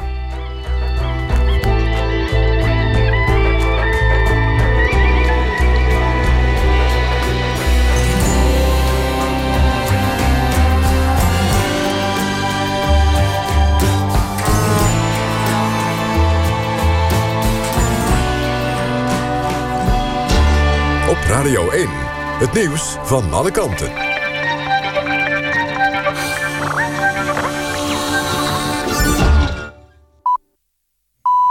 Het is één uur moutschreurs met het NOS-journaal. In Brussel en vlakbij Parijs is de politie uitgerukt voor antiterreuracties. In de Brusselse gemeente Schaarbeek zijn zes mensen gearresteerd, in Parijs eentje. De actie in Brussel had te maken met de aanslagen van dinsdag. De Belgische politie wil nog niet vertellen waar de zes arrestanten precies van worden verdacht en welke identiteit ze hebben. De Franse autoriteiten zeggen dat ze met de arrestatie bij Parijs een nieuwe aanslag hebben vereideld. En de twee broers die dinsdag zelfmoordaanslagen pleegden in Brussel waren al bekend bij de Amerikaanse inlichtingendiensten. Ze stonden daar volgens nieuwszender NBC op een terreurlijst. De Belgische minister van Justitie zei gisteren nog dat de broers Bakrawi in België niet in verband werden gebracht met terrorisme. Ibrahim El Bakrawi blies zichzelf op in de vertrekhal van vliegveld Saventem. Zijn jongere broer pleegde een uur later een zelfmoordaanslag in een Brusselse metro. De politie heeft na een wilde achtervolging op de A1 bij Muiden drie mannen opgepakt. Agenten zagen in Amsterdam Zuidoost dat de automobilist zich vreemd gedroeg. En toen die merkte dat de politie achter hem aanging, reed hij vol gas de A1 op. En daar gooiden de mannen drugs uit het raam. Bij Muiden kwam een eind aan de achtervolging. De Amsterdam Arena moet worden omgedoopt in de Johan Cruijff Arena. Dat heeft de Amsterdamse wethouder van sport gezegd in het tv-programma RTL Late Night. Hij krijgt steun van burgemeester Van der Laan van Amsterdam. Volgens de wethouder moet de grootste voetballer aller tijden een mooie vernoeming krijgen. Ajax-directeur Van der Sar zei eerder op de dag al dat hij open staat voor het idee. Ook in Spanje willen ze de overleden voetballegende eren. Als het aan de fans van FC Barcelona ligt, wordt hun stadion Camp Nou omgedoopt tot het Johan Cruijffstadion. Het weer op steeds meer plaatsen regen. In de loop van de middag wordt het vanuit het westen droog en breekt de zon volop door. Het wordt een graad of 10. Zaterdag droog en geregeld zon bij maxima van zo'n 14 graden. Maar de paasdagen verlopen wisselvallig. En dit was het NOS Journaal. NPO Radio 1. VPRO. Nooit meer slapen.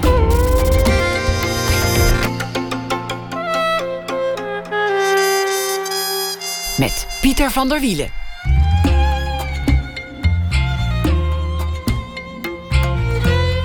De Vlaamse Koen Carlier gelooft dat hij de terugkeer van de Messias kan bespoedigen door elke Jood die hij op het Oekraïense platteland vindt te overtuigen terug te keren naar Israël.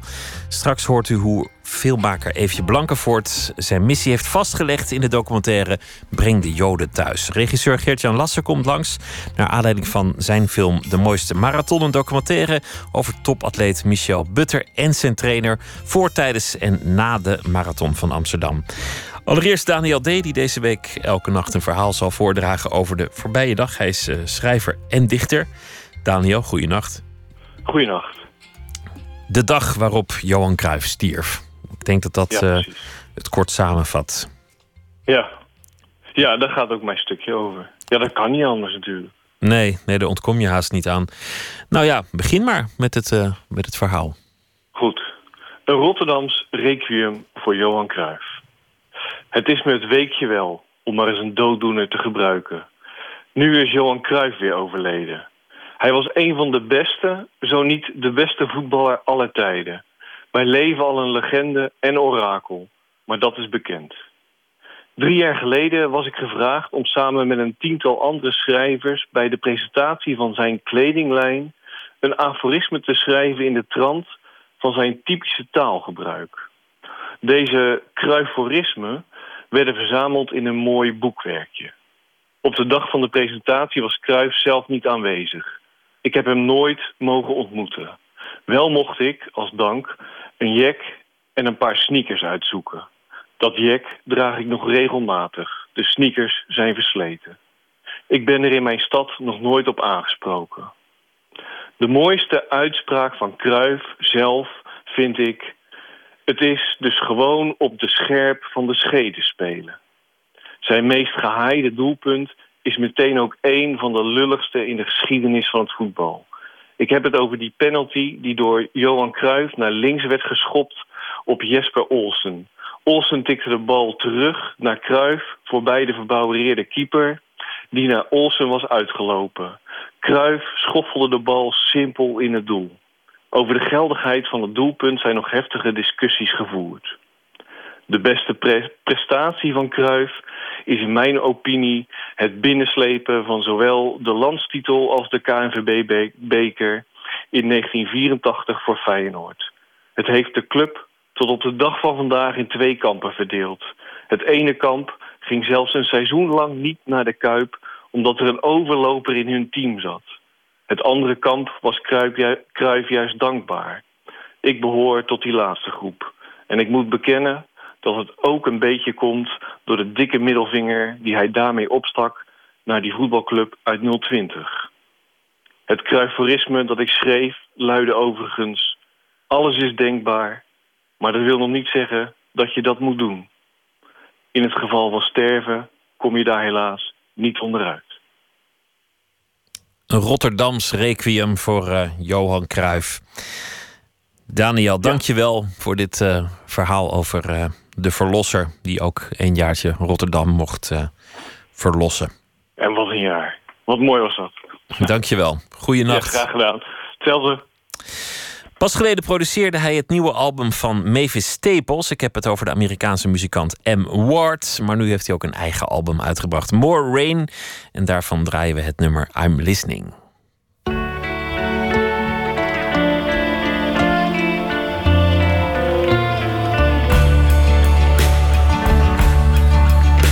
They won't say plainly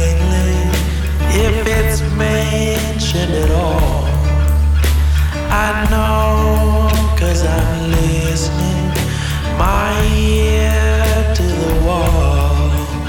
I'm listening, I'm listening. Those who know they ain't talking, the ones who are talking, they don't know when it starts and the first one to know I'm listening. Yeah I'm listening. I'm listening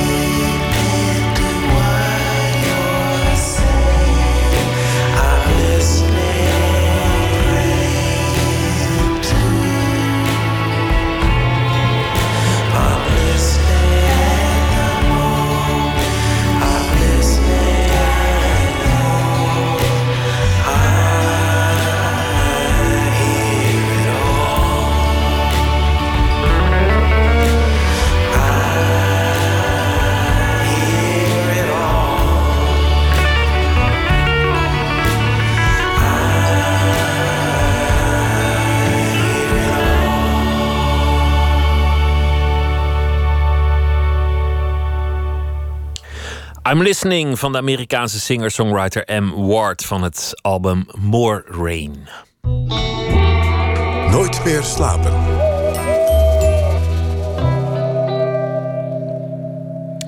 Cruijff, mythisch voetballer, verlosser, filosoof en taalkunstenaar is uh, ons ontvallen. Het grote nieuws van uh, de afgelopen dag.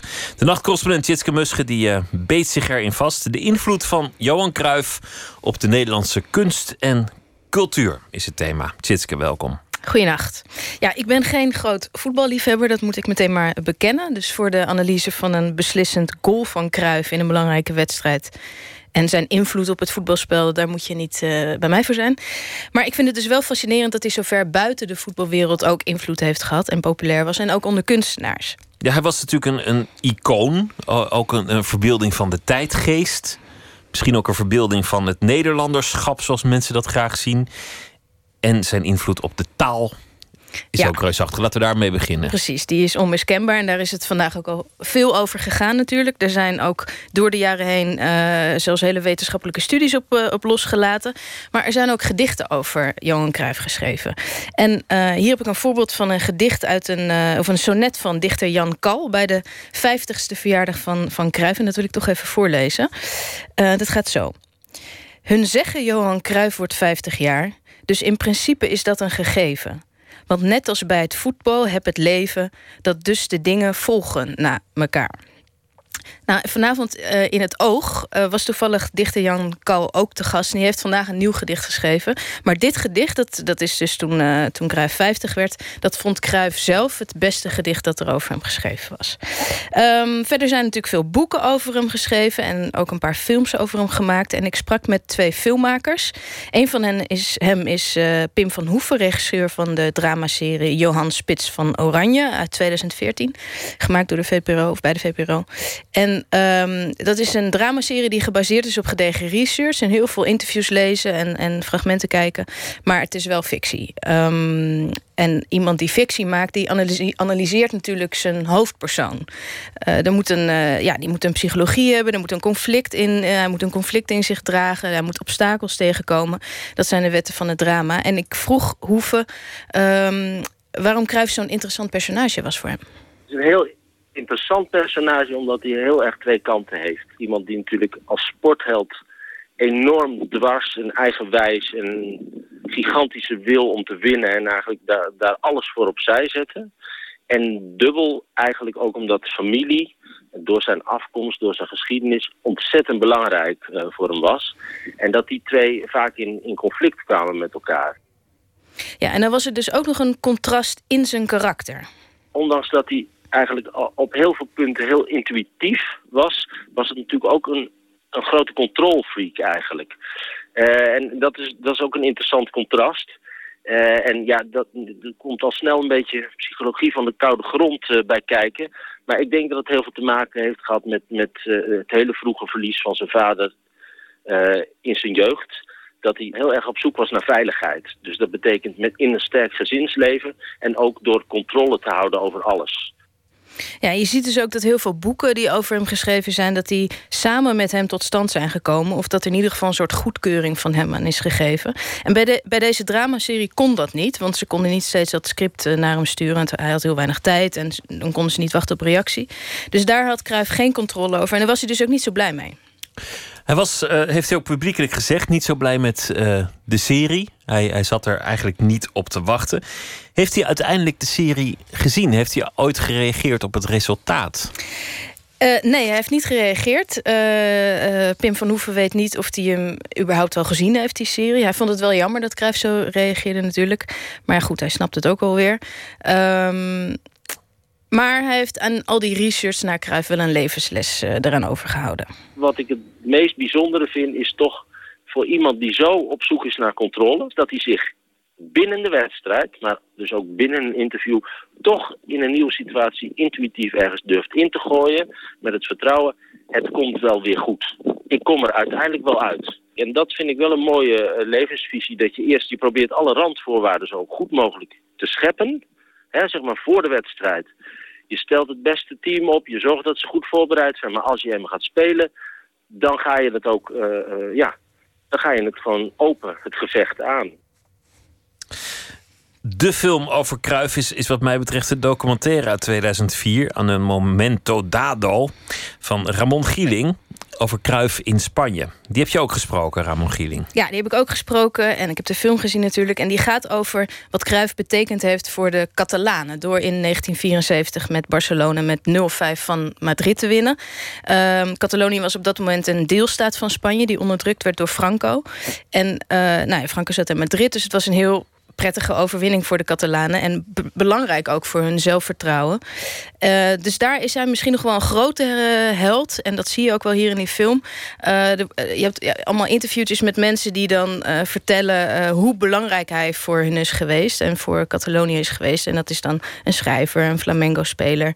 Um, maar Ramon Gieling vertelde me dat Kruif in die tijd... ook in Nederland veel kunstenaars beroerde in de jaren 70, toen hij nog bij Ajax speelde, kwam er opeens een moment dat er uh, dat heel veel uh, kunstenaars, schrijvers, schilders gingen opeens naar Ajax. Jan Wolker zat op de tribune. Ik denk dat dat ook de herkenning is. Dat uh, mensen het kunstenaarschap in zijn, in zijn voetbal herkenden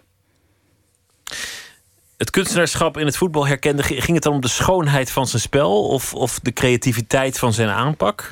Allebei. Uh, zijn sierlijke manier van lopen, dat is natuurlijk al vaker vergeleken met een uh, hinde of een danser. Hij viel op tussen de andere voetballers. Uh, en schrijver Godfried Bomans die vergeleek hem eens met een engel. En dan schrijft hij. Ook in zijn gezicht zit iets engelachtigs. Het is voornamelijk uit verbazing samengesteld, maar dan het soort verbijstering van iemand die uit een wolk op aarde gevallen is en zich dan verder zo goed mogelijk behelpt tussen de logge wezens die hij daar aantreft. Het is eigenlijk vreemd dat zo iemand dan gaat voetballen, want dat is een weinig sierlijke sport. Hoe graag ik er ook naar kijk, het blijft een tijdverdrijf voor polderwerkers. Maar volgens Schieling ging het, ook, ging het die kunstenaars ook om iets anders ik denk dat het breed is, alle, alle kunstenaars zich herkenden in Cruijff. En niet alleen in zijn manier van voetballen, maar ook in zijn manier van hoe hij dacht over dingen. Kijk, we zijn natuurlijk altijd probleemoplossers. Uh, dat ben je in het voetbal ook, als, als, zowel als, een, als je een geniale speler bent, dan ben je eigenlijk permanent beslissingen aan het nemen en problemen aan het oplossen, zonder dat mensen dat zien. En als je uh, filmt of een toneel maakt of schrijft, dan ben je eigenlijk uh, op een onzichtbare manier permanent iets aan het oplossen. Je vroeg net ook een levensles geleerd door Johan Cruijff aan eh, Pim van Hoeven. Heb je dat ook aan Ramon Gieling gevraagd en had hij ook een levensles aan Cruijff overgehouden? Jazeker, laten we er even naar luisteren. Hij heeft natuurlijk de klassieker uh, ooit uitgesproken dat het voetbal heel simpel is, maar dat het niet zo moeilijk is als simpel te voetballen. Dat geldt eigenlijk ook voor filmmaken.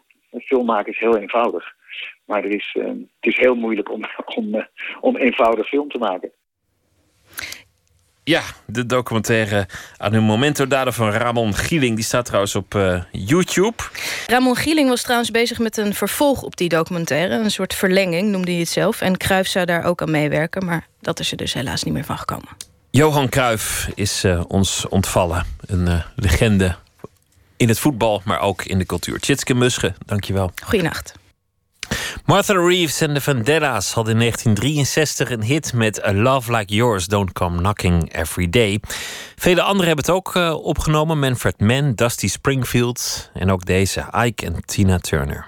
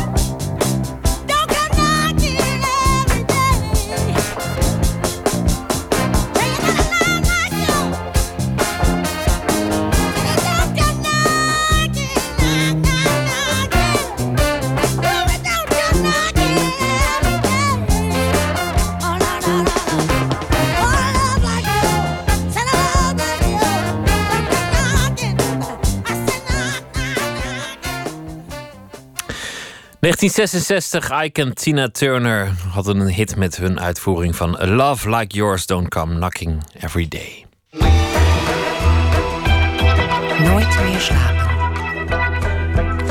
Eefje Blankenvoort is journalist en documentairemaker. Eerder schreef ze een boek over Iran en maakte samen met fotograaf Anouk Steketee een boek over pretparken over de hele wereld. Een, een multimedia productie over Rwanda heeft ze ook nog gemaakt. Samen met Arnold Verbrugge maakt ze nu de documentaire Breng de Joden thuis. Over een man met maar één missie in zijn leven: alle Joden van de wereld naar Israël brengen.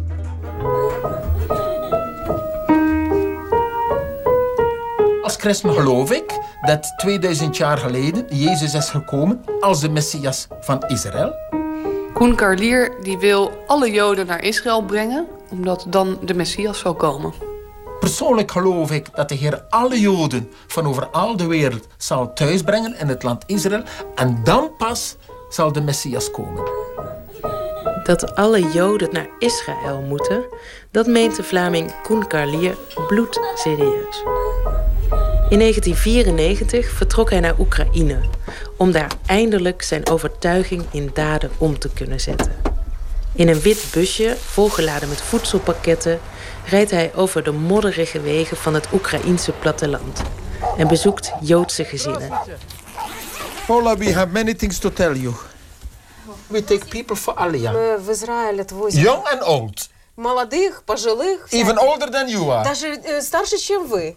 We bring them. Stom verbaasd kijken de Oekraïners hem aan. Als hij hen probeert te overreden hun spullen te pakken en naar het beloofde land terug te keren. Ook al zijn ze daar nog nooit geweest. Maar mijn moestuin dan, werpt de man tegen. What do you want? What do you want? Should all go to Israel. Вам всем нужно отправляться в Израиль. For the Полина. future of your ch- children, for the future of your son and your Полиночка, grandchildren. ради будущего... Koen is zelf een, ja, een hele leuke, sympathieke eh, Belg, een Vlaming, eh, komt uit eh, Brugge. Ehm, hij was betrokken in het familiebedrijf. Eh, zijn vader heeft een, eh, ja, een soort kruideniersbedrijf. eh, die met, met een vrachtwagen eh, reed hij door het hele land. hij is eigenlijk dus van huis uit vrachtwagenchauffeur. Eh, maar die op een gegeven moment ja, tot dit geloof is gekomen. Hij was altijd al wel gelovig, nou, katholiek zoals veel Belgen. Maar op een gegeven moment Uh, eigenlijk onder invloed van een evangelische vriend meegegaan naar uh, bijeenkomsten. En ja, op een gegeven moment ook naar een Israël-bijeenkomst. En daar veel, steeds meer geleerd over Israël en de rol van Israël in het plan van God. Um, en is toen ja, gelovig geworden, echt gelovig. En hij vertelt dan ook dat hij op een gegeven moment als vrachtwagenchauffeur dus op de ring van Antwerpen reed. En hij zag daar een bord Pioneer, dus van het, uh, ja, van het uh, audio-sound systeem, hè, Pioneer. Toen dacht hij, ik moet het pionierswerk gaan doen. Dit is een teken. En toen is hij naar Oekraïne gegaan. Paulina, Paulina, oké, okay, now I understand. So I want. not go, she says. I have a, here. I have a paper here. У меня здесь есть вот такая, такой буклетик небольшой. Maar hij is zo overtuigend. Hij zou ook een, een goede autoverkoper kunnen zijn of een politicus. Of hij is ook een, een tikje dominant. Hoe, ja, hoe zou je zijn karakter dan verder omschrijven? Ja, hij is inderdaad heel gedreven. En uh, uh, ergens uh, ja, vind ik dat ook heel mooi. Hij, is, hij, hij zit nooit stil. Hè. Je ziet ook aan zijn hele lijf, er zit enorme energie in. Hij, hij is inderdaad altijd onderweg. Hij is echt een handelsreiziger in die zin ook. Hij is sympathiek soms, maar hij is ook heel drammerig. En hij is inderdaad heel overheersend. En hij heeft geen ruimte om, voor twijfel. Hij heeft absoluut geen ruimte voor twijfel. En ik denk dat dat ook wel toch wat typisch is voor, voor de radicaal. En dan, dan bedoel ik niet dat hij extremist is en geweld predikt... maar radicaal in de zin van er is één manier van denken en dat is het. Onder geween zullen ze komen en onder smeking zal ik hen leiden. Ja, ik zal hen terugbrengen in het land dat ik aan hun vaderen gegeven had. Heb vaker radicalen geïnterviewd, ook voor een project Angry over radicalisme. En ik herken heel veel van wat ik in al die interviews met die radicalen van allerlei verschillende soorten, uh, ja, herken ik in hem. Uh, er is gewoon geen ruimte voor twijfel. En één doel, en daar moet alles voor wijken. En in mijn gesprekken werd ik soms ook bijna jaloers op die overtuiging. Ik ben zelf echt, ja, wat ik ben gaan noemen, een radicale twijfelaar. Ik twijfel altijd over alles. Ik zie altijd de andere kant. Uh, en dat is heel goed, denk ik, en gezond. Zeker als journalist of documentairemaker. Maar ook best wel vermoeiend. Ik bedoel, het is ook wel lekker als je gewoon één mening hebt. We brought a food parcel for you. Yes, Producten That's for your family. You will go as pioneers. I see you between now and between one year, I see you all in Israel. Koen en de zijnen geloven echt dat het einde naderend is. En dat betekent dat het eerst een hele nare periode zal zijn. De wereld gaat door baren zweeën, zoals hij zegt. En daarna dat zal uitlopen in Armageddon, de laatste strijd. Ja, iets wat je ook ziet bij bijvoorbeeld andere eindtijdsbewegingen... zoals uh, de Islamitische Staat. Zij hebben eigenlijk hetzelfde geloof. Ik wil ze absoluut niet vergelijken, want Christen voor Israël is absoluut niet gewelddadig. Ze prediken ook geen geweld. Laat daar geen misverstand over bestaan. Maar hun eindtijdsvisioenen lijken heel erg op elkaar. Het gaat tenslotte leiden tot wat de Bijbel wel noemt Armageddon. De laatste slag. We hebben ook niet voor niets ook beelden van IS-propagandafilms in de film gebruikt. Als uh, dominee Glashart aan het eind van de film heeft over Armageddon... gebruiken we daarna ook beelden van IS-propagandavideo Flames of War. Niet zozeer om te zeggen ze zijn hetzelfde, maar wel om te laten zien van dit soort beeldtaal, dit soort ide ideeën, ideologieën zijn van alle tijden en zijn niet alleen van christenen, het zijn ook niet alleen van moslims. Het, het, het, het is iets wat blijkbaar in de mens zit. Het begin van de documentaire Breng de Joden thuis kijkt als een roadmovie. Carlier door weer en wind met zijn missie onder de arm over het platteland of zingend met zijn vertaalster in hun witte busje, tot ze vastkomen te zitten in de modder. Grappig is het, zeker. Maar wanneer je na een minuut of twintig bijgekomen bent van de verbazing, begint het je als kijker te dagen dat Koen niet een eenzame excentriekeling is. Nee, er is sprake van een wereldwijde christelijke organisatie, die ook stevig in Nederland geworteld is. We lazen een berichtje in het Reformatorisch Dagblad dat uh, de christenen voor Israël vierden dat de honderdduizendste Jood was thuisgebracht. En dat zou plaatsvinden in een grote nieuwbouwkerk in Alphen aan de Rijn. Nou, dat, dat bericht riep zoveel vragen bij ons op. Want ze vieren wat? Dat ze honderddu de honderdduizendste Jood hebben teruggebracht. Nou, we snapten gewoon helemaal niks ervan. Dus daar moeten we heen. Dus we zijn er naartoe gegaan.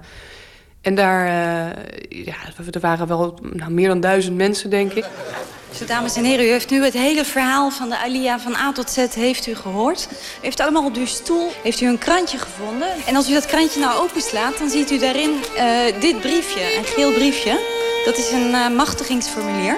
U mag natuurlijk ook uh, contant geld geven. Alleen ik raad u aan om het gewoon via zo'n machtiging te doen.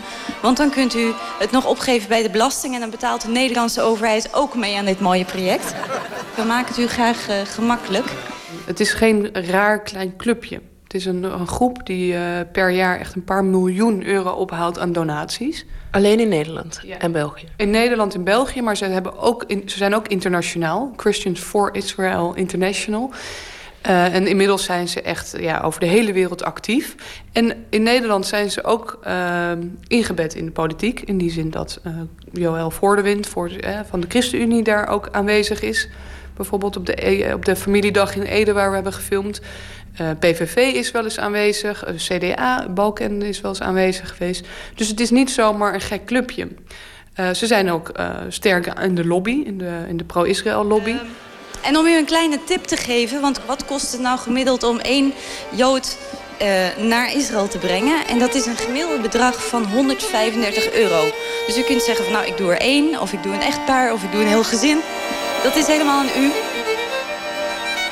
Ergens vind ik die man en zijn missie mooi. Tegelijkertijd gaan we in de film steeds meer naar de missie toe. Dus van de man en zijn missie gaan we naar de missie. En dat doen we via Nederland, waar je ziet wat is dan de achterban. Eh, door wie wordt die missie allemaal gesteund? Hoe wordt die eigenlijk vormgegeven? En in Israël zie je wat de gevolgen van die missie zijn. Het radicale gevolg van zo'n radicale missie. En dat betekent dat eigenlijk alles ervoor moet wijken.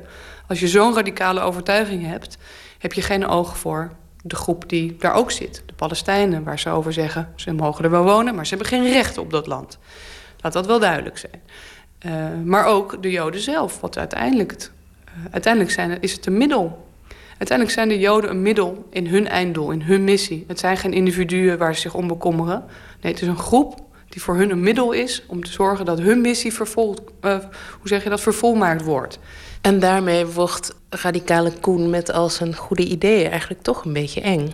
Ja, en dat is niet dat Koen eng is, vind ik niet als mens, maar ik vind radicalisme, radicale overtuiging, is natuurlijk in, uiteindelijk eng. Omdat alles ervoor moet wijken. Omdat alles een middel wordt voor een doel, voor jouw doel. Goeie vriendin van ons, uh, Sylvia, die, uh, die hebben we gevraagd om een eerdere versie te, te kijken. Ja, zij vond het heel heftig, omdat uh, ze, ze, zijn, ze objectiveren mij. Ik ben een middel. Dus dat iemand die niet Joods is jou vertelt dat jij niet hier thuis hoort, maar daar...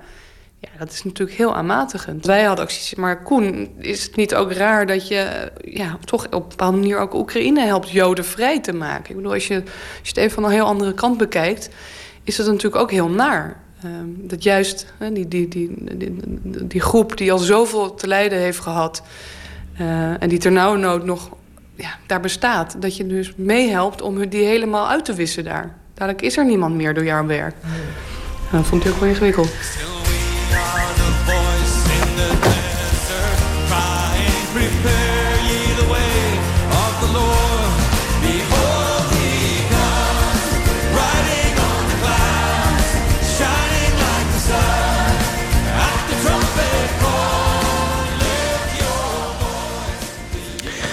De documentairemakers Eefje Blankenvoort en Arnold van Brugge mochten bijna overal bij zijn, mochten ook bijna alles filmen en mochten ook de vergaderingen allemaal bijwonen van Christenen voor Israël. In eerste instantie was de organisatie blij met de film, maar na wat uh, overdenking vonden ze toch dat ze te extremistisch waren afgebeeld. Hebben een uh, brief op hoge poten gestuurd aan de directeur van de EO om de uitzending tegen te houden. De EO blijft echter achter de makers staan. En Nicolaou sprak kortom met Eefje Blankenvoort over haar film Breng de Joden thuis. Dinsdagavond te zien in Tweedok op NPO 2. Na jaren in Parijs te hebben gewoond, is hij terug naar Antwerpen. De voormalig voorman van Das Pop, Bent van Looy. Binnenkort komt er een nieuw soloalbum van hem uit. En dan zal hij ook te gast zijn in dit programma. Eerst gaan we luisteren naar uh, een nummer, My Escape. You used to think of me as such a weird young man. With my nose stuck in a book. I will have you know I always had a plan right before my eyes.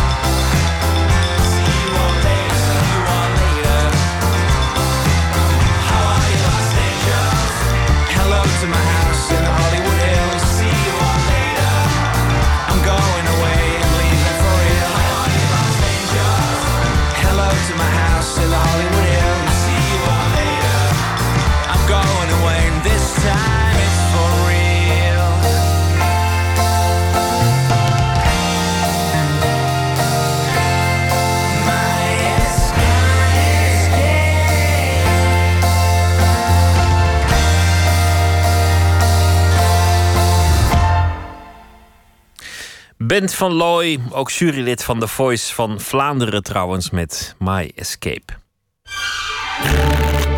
Open kaart.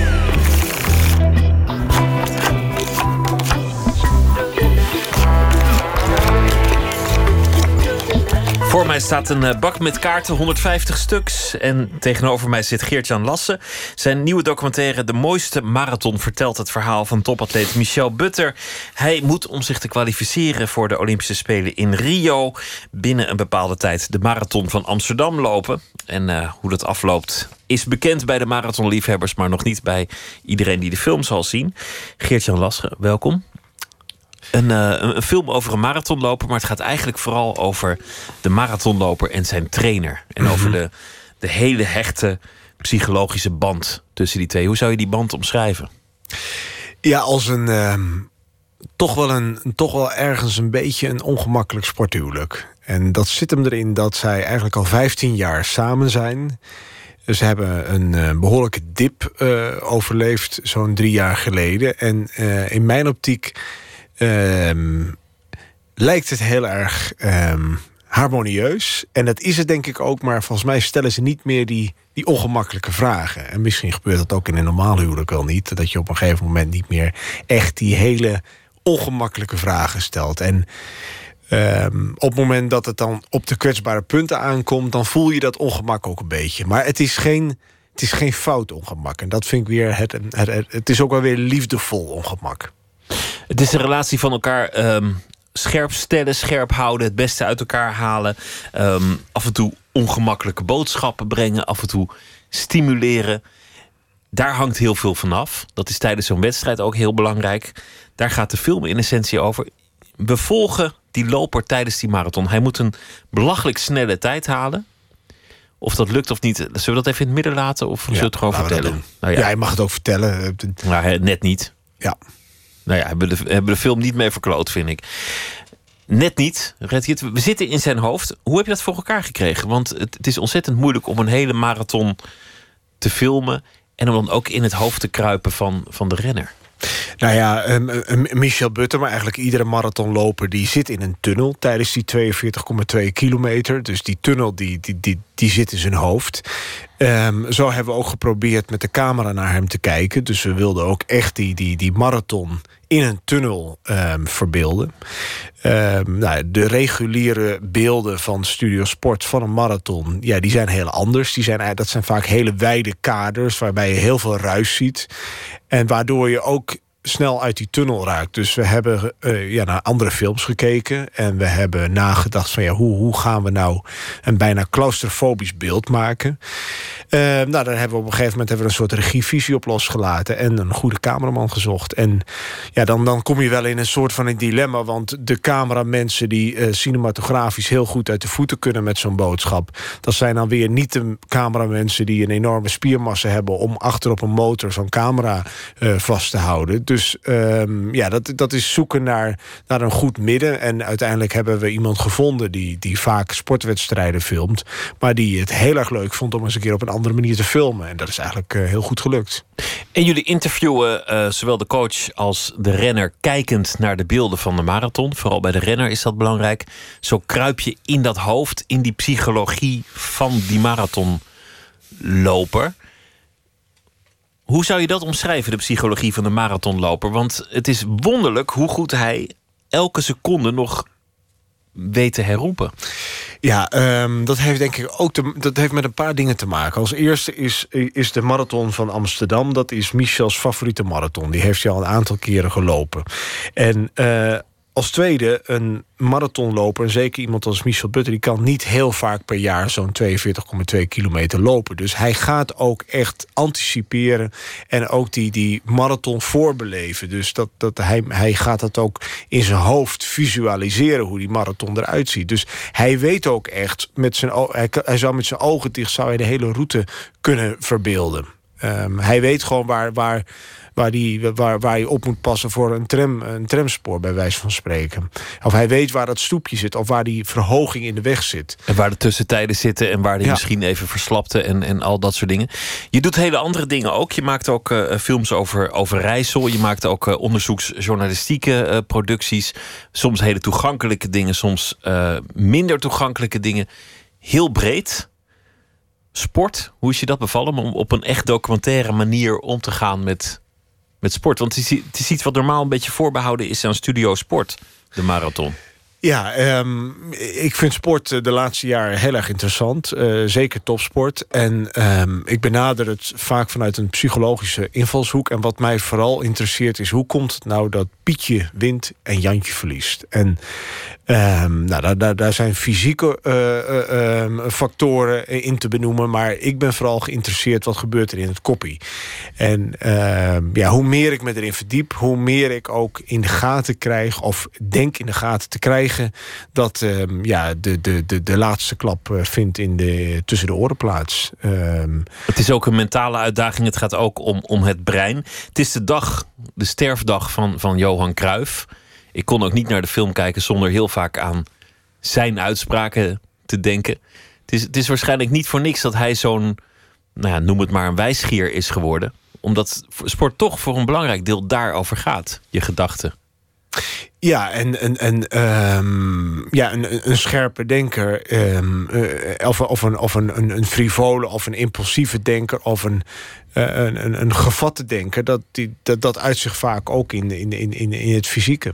Dat kwam dus bij Kruif allebei samen. Het, ja. het, het, hele goede sporter zijn en een interessante denker zijn. Ja, hij, ik denk dat hij was, hij was ook een artiest qua denken. En het was ook een artiest op het veld.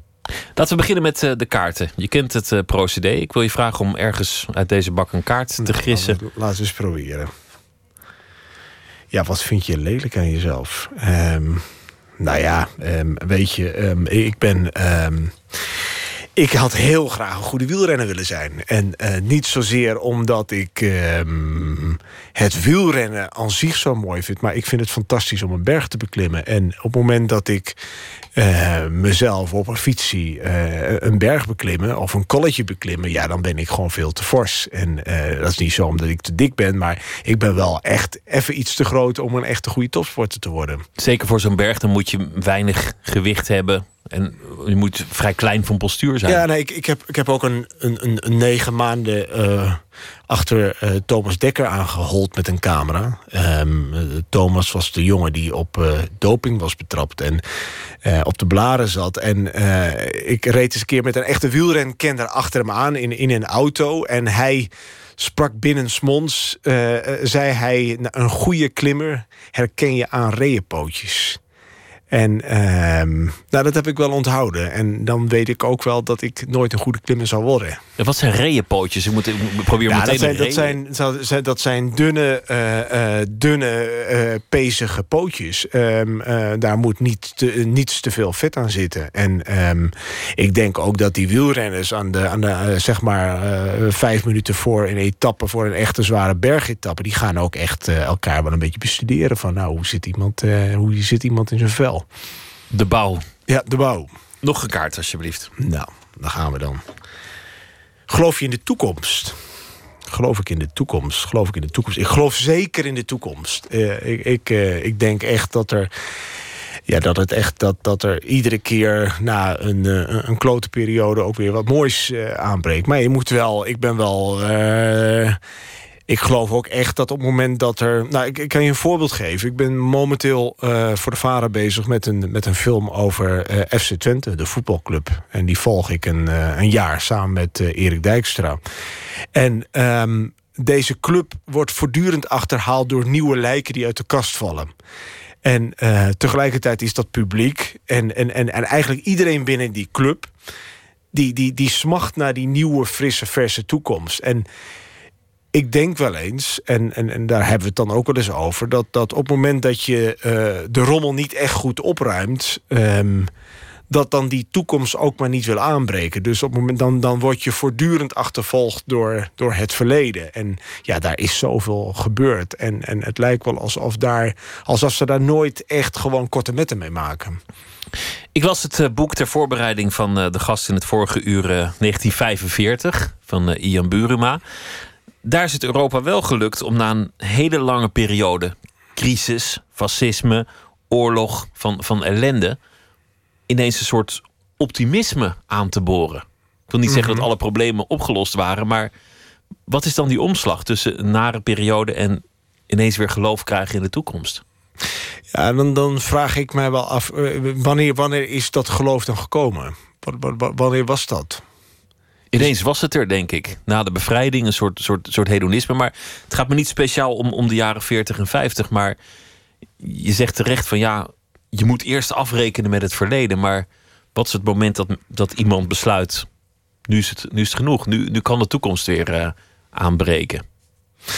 Ja, ehm, ehm, ja, ik denk niet dat je dat zelf kunt beslissen. Ik denk, ik denk ook, ik denk dat je echt, ehm, het moet je ook gegeven worden. En dat, dat klinkt misschien wel een beetje semi-religieus, maar ehm, ik denk dat het ook wel een beetje een natuurwet is. Op het moment dat je, je, je, moet, een, eh, je moet een aantal fasen door. En dan, en dan zie je vaak ook zo'n zo'n zo'n catharsis in mijn optiek.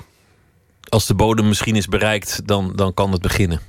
Ja, nou ja, kijk, in het geval van Twente, ehm, eh, ja, als, als filmmaker eh, kun je zeggen van je valt met de neus in de boter, want er gebeurt voortdurend wat. Ehm, op een gegeven moment dan snak je er ook wel naar. Maar ik, ik, we kunnen wij kunnen, maar ook die, die, die supporters, we kunnen wel, eh, wel hopen dat nu dat omslagpunt komt. Maar dat blijft toch nog maar op zich wachten. Dus, dus ja, je, je- en terwijl iedereen het hoopt en iedereen wil dat omslagpunt, iedereen wil die nieuwe toekomst. Maar ja, die nieuwe toekomst die zegt van ja, nou, maar ik ben er nog niet aan toe. Maar uiteindelijk geloof je in de toekomst. Zeker. Laten we er nog geen... eh, Ja. Geloof je in God? Nou jongens, eh, Nou. eh, het is alsof die kaarten voor mij bedoeld zijn. niet win. Eh, of zijn het allemaal dezelfde? Nee, maar... Nee. Geloof je in God? Ja, ik geloof in God, ja. ja. In, in welke God geloof je? Nou, ik, ik, ik, ik geloof niet zozeer in de God met een baard die op een stoel zit met een, met een, met een wit lang kleed. eh, of, of, eh, eh, nee, ik, ik, ik, ik geloof in een, in, in een soort hele grote oerkracht. Ehm, en, en ja, dat, dat, ja, wij hebben daar een menselijk beeld aan gegeven. Maar ehm, ja, ik geloof er zeker wel in dat, dat, dat het begin dat dat, dat, dat goddelijk is. Dat klinkt ingewikkeld, hè? Nou, nee, vind ik niet. Maar ik vind, ik vind geloof altijd een, een interessant woord. Omdat dat geloof, daar zit, daar zit ook een soort twijfel in. Het is, niet- het is iets anders dan weten, kennis hebben van. Ge- Geloven zegt, ik denk uiteindelijk... Er zit, er zit een soort vaagheid in. Ja, voor mij is geloven een, een, een, een niet-rationele overtuiging. En ehm, dat hoef je ook niet te proberen te gaan bewijzen. Ik vind dat ook eigenlijk wel, wel, wel onzinnig. Eh, theologen die, die op een rationele manier proberen aan te tonen dat geloof, eh, ja, dat, of dat, dat, dat God bestaat. Dat, dat, ja, daar kan ik helemaal niks mee. Het is ook het is voor mij een, een, een overtuiging waar ik eh, mensen niet mee lastig wil vallen. Dus ehm, eh, ik heb er zelf heel veel aan. En op het moment dat iemand daar wat van wil horen, dan, dan, dan wil ik daar best over praten. Maar ik, ja, ik heb, er zit niets in mij om, om, om, om daar anderen mee lastig te vallen. Ga je wel naar een kerk? Ja, ik ga naar een kerk, ja. Elke, elke zondag? Of, of, Niet eh, elke zondag, maar ik ga er wel met, met heel veel plezier heen. En dat heeft ook wel te maken. Kijk, maar ik voel me ook verwant aan die, aan die, aan die kerkgemeenschap. Ehm, eh, kijk, ik woon in een dorp. Ik woon mijn hele leven al in een dorp. Dus je bent ook loyaal. Ehm, ik zeg soms ook wel eens, je gaat naar het stamhuis toe. eh, of naar... naar, naar, naar ehm, ja, dat- dat, is ook wel heel spannend, denk ik, aan, aan kerkbezoek in een dorp. Het is ook ergens loyaal aan de stam zijn. Zoals, zoals dat misschien ook een café of een sportclub zou kunnen zijn. Zou kunnen. Voor, in sommige, voor sommige sportclubs gaat dat zeker wel op, ja. Zullen we nog een eh, kaart eh, behandelen? Ja, wanneer heb je je enorm geschaamd? Nou ja, weet je, laten we gewoon eerlijk zijn. Kijk, eh, ik ben een, ik ben een terrier in mijn vak. Ik ga heel ver. Ehm, ehm, eh, voor mij, eh, in, in ieder project of in, ga ik tot het uiterste. En, en, en, en meestal ehm, eh, kom, je er ook gewoon, kom je er ook gewoon goed uit met, met, met mensen. Eigenlijk bijna altijd wel. Maar soms dan ben je zo gebrand om iets te willen of om iemand te overtuigen. En dan kun je net soms even over dat randje gaan. En er zijn programma's eh, op de Nederlandse publieke omroep die daar gewoon eh, eh, een routine van maken om, om, om, om de moraal zeg maar achterwege te laten. Ik, ik, ik heb die moraal wel hoog, ehm, hoe je met mensen omgaat. Maar soms ga je er ook gewoon net even overheen. Ja, en dan, dan, dan vind ik dat wel heel kwalijk. En ik heb mezelf ook wel geleerd afgelopen jaren... ook om dan te zeggen van jongens, ik heb dat niet goed gedaan, eh, excuus. Want het hoort bij het vak van tv maken dat je, dat je heel veel eh, ja, morele uitdagingen tegenkomt op je vak. Jazeker. Ga je En- dit uitzenden, ga je het niet uitzenden? Eh, je kan je personage net iets mooier neerzetten dan, dan die eigenlijk verdiend heeft. Ja, de gevaar, ik zeg niet? altijd de, gevaarlijkst, de, de meest gevaarlijke fase in een eh, productieproces... dat is de, de, de, de, de laatste montagedag. Wat knip je eruit, wat niet? Eh, hoe hoe bouw je een scène op? Nou ja, al dat ja, soort en, en, en ehm, het is ook wel gewoon echt wel, eh, wel, wel een, een lekkere challenge om gewoon nobel te blijven. Om, om op een gegeven moment, je kunt wel eens wat, wat heel erg eh, eh, iets filmen waarvan je denkt van eh, wauw, nou nu ga ik toch het publiek trakteren op iets heel leuks. En soms kan het goed zijn om dat juist niet te doen. Ehm, en daarin, ehm, daarin heb je hele goede adviseurs nodig. Ook zeker in het documentaire vak wel. En uiteindelijk, de kijker ziet dat ook. Op het moment dat je te gretig bent, te hitsig bent. Ehm, in mijn optiek kan de kijker kan het niet duiden. Maar kan het wel ervaren en aanvoelen. Dat denk ik ook. Hij wordt eh, 28 maart uitgezonden, de documentaire De Mooiste Marathon. Geert-Jan Lassen, dankjewel. Graag gedaan, dankjewel. De Australische singer-songwriter Ry X is onder, onder meer bandleider van The Acid. En ook nog de helft van een duo, een folk-elektronica-duo met de naam Howling. Eerste album komt er ook nog aan. Dan en daarvan de single Only.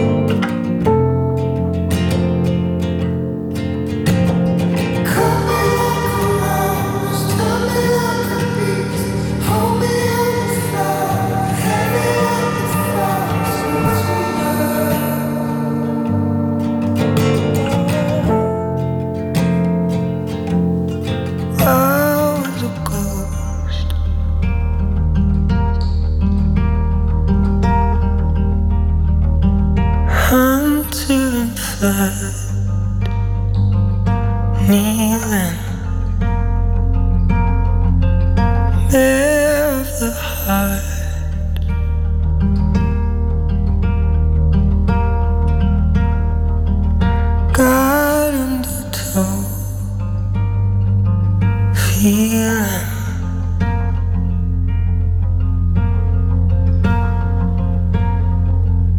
I was only falling in love.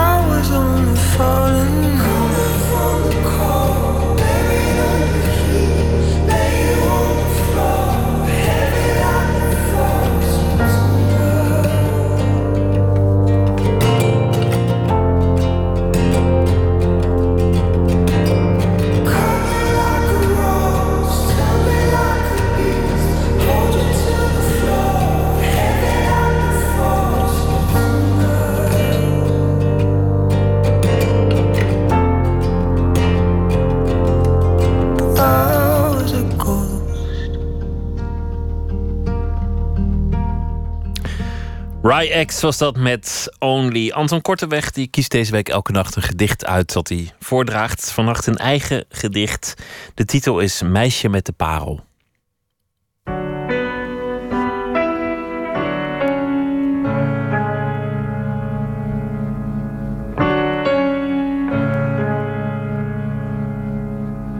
Vanavond een liefdesgedicht. Niet een gedicht op een werkelijk bestaande vrouw of meisje, maar een gedicht over wat 26% van alle Nederlanders het mooiste schilderij vinden. Het meisje met de parel van de 17e eeuwse schilder Johannes Vermeer. Hij schilderde dat in 1665. Ik heb 30 jaar lang ieder jaar een bezoek aan haar gebracht in het eh, Mauritshuis. En in 1991 heb ik een eh, gedicht over haar geschreven. En dat heet, net als een schilderij, Meisje met de parel. Ze lijkt wel voorheen God. De ogen van het meisje met de parel. Ogen zijnde die altijd overal je zien, waarheen en hoe je kijkt. Maar toch, van haar mag ik nog wel zoals ik nu al jarenlang. Zij vindt niet dat mijn leven anders moet. Dat zie ik aan haar blik. Ik wilde wel nog meer, dat ze naar mij juist en alleen naar mij verlangt. En ik. Maar hoe ik ook probeer, dat krijg ik toch haar oog niet uit. Hooguit, heel soms vindt het dat ik nog niet hoef weg te gaan. Ik zwijg dan nog over het blauw van haar tulband. Daar kan niets naast bestaan. Anton Korteweg las het gedicht Meisje met de Parel. Morgen zit hier Esther Nomen Perkine en die gaat in gesprek met Esther Scheldwacht. Verbonden aan het Roodtheater. Die komt vertellen over de voorstelling Helga Maria Baumkarten. Derde voorstelling van een reeks van drie.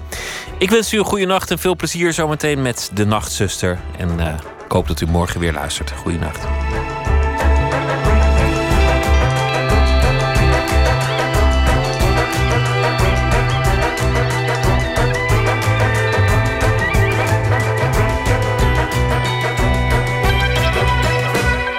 Op Radio 1, het nieuws van alle kanten.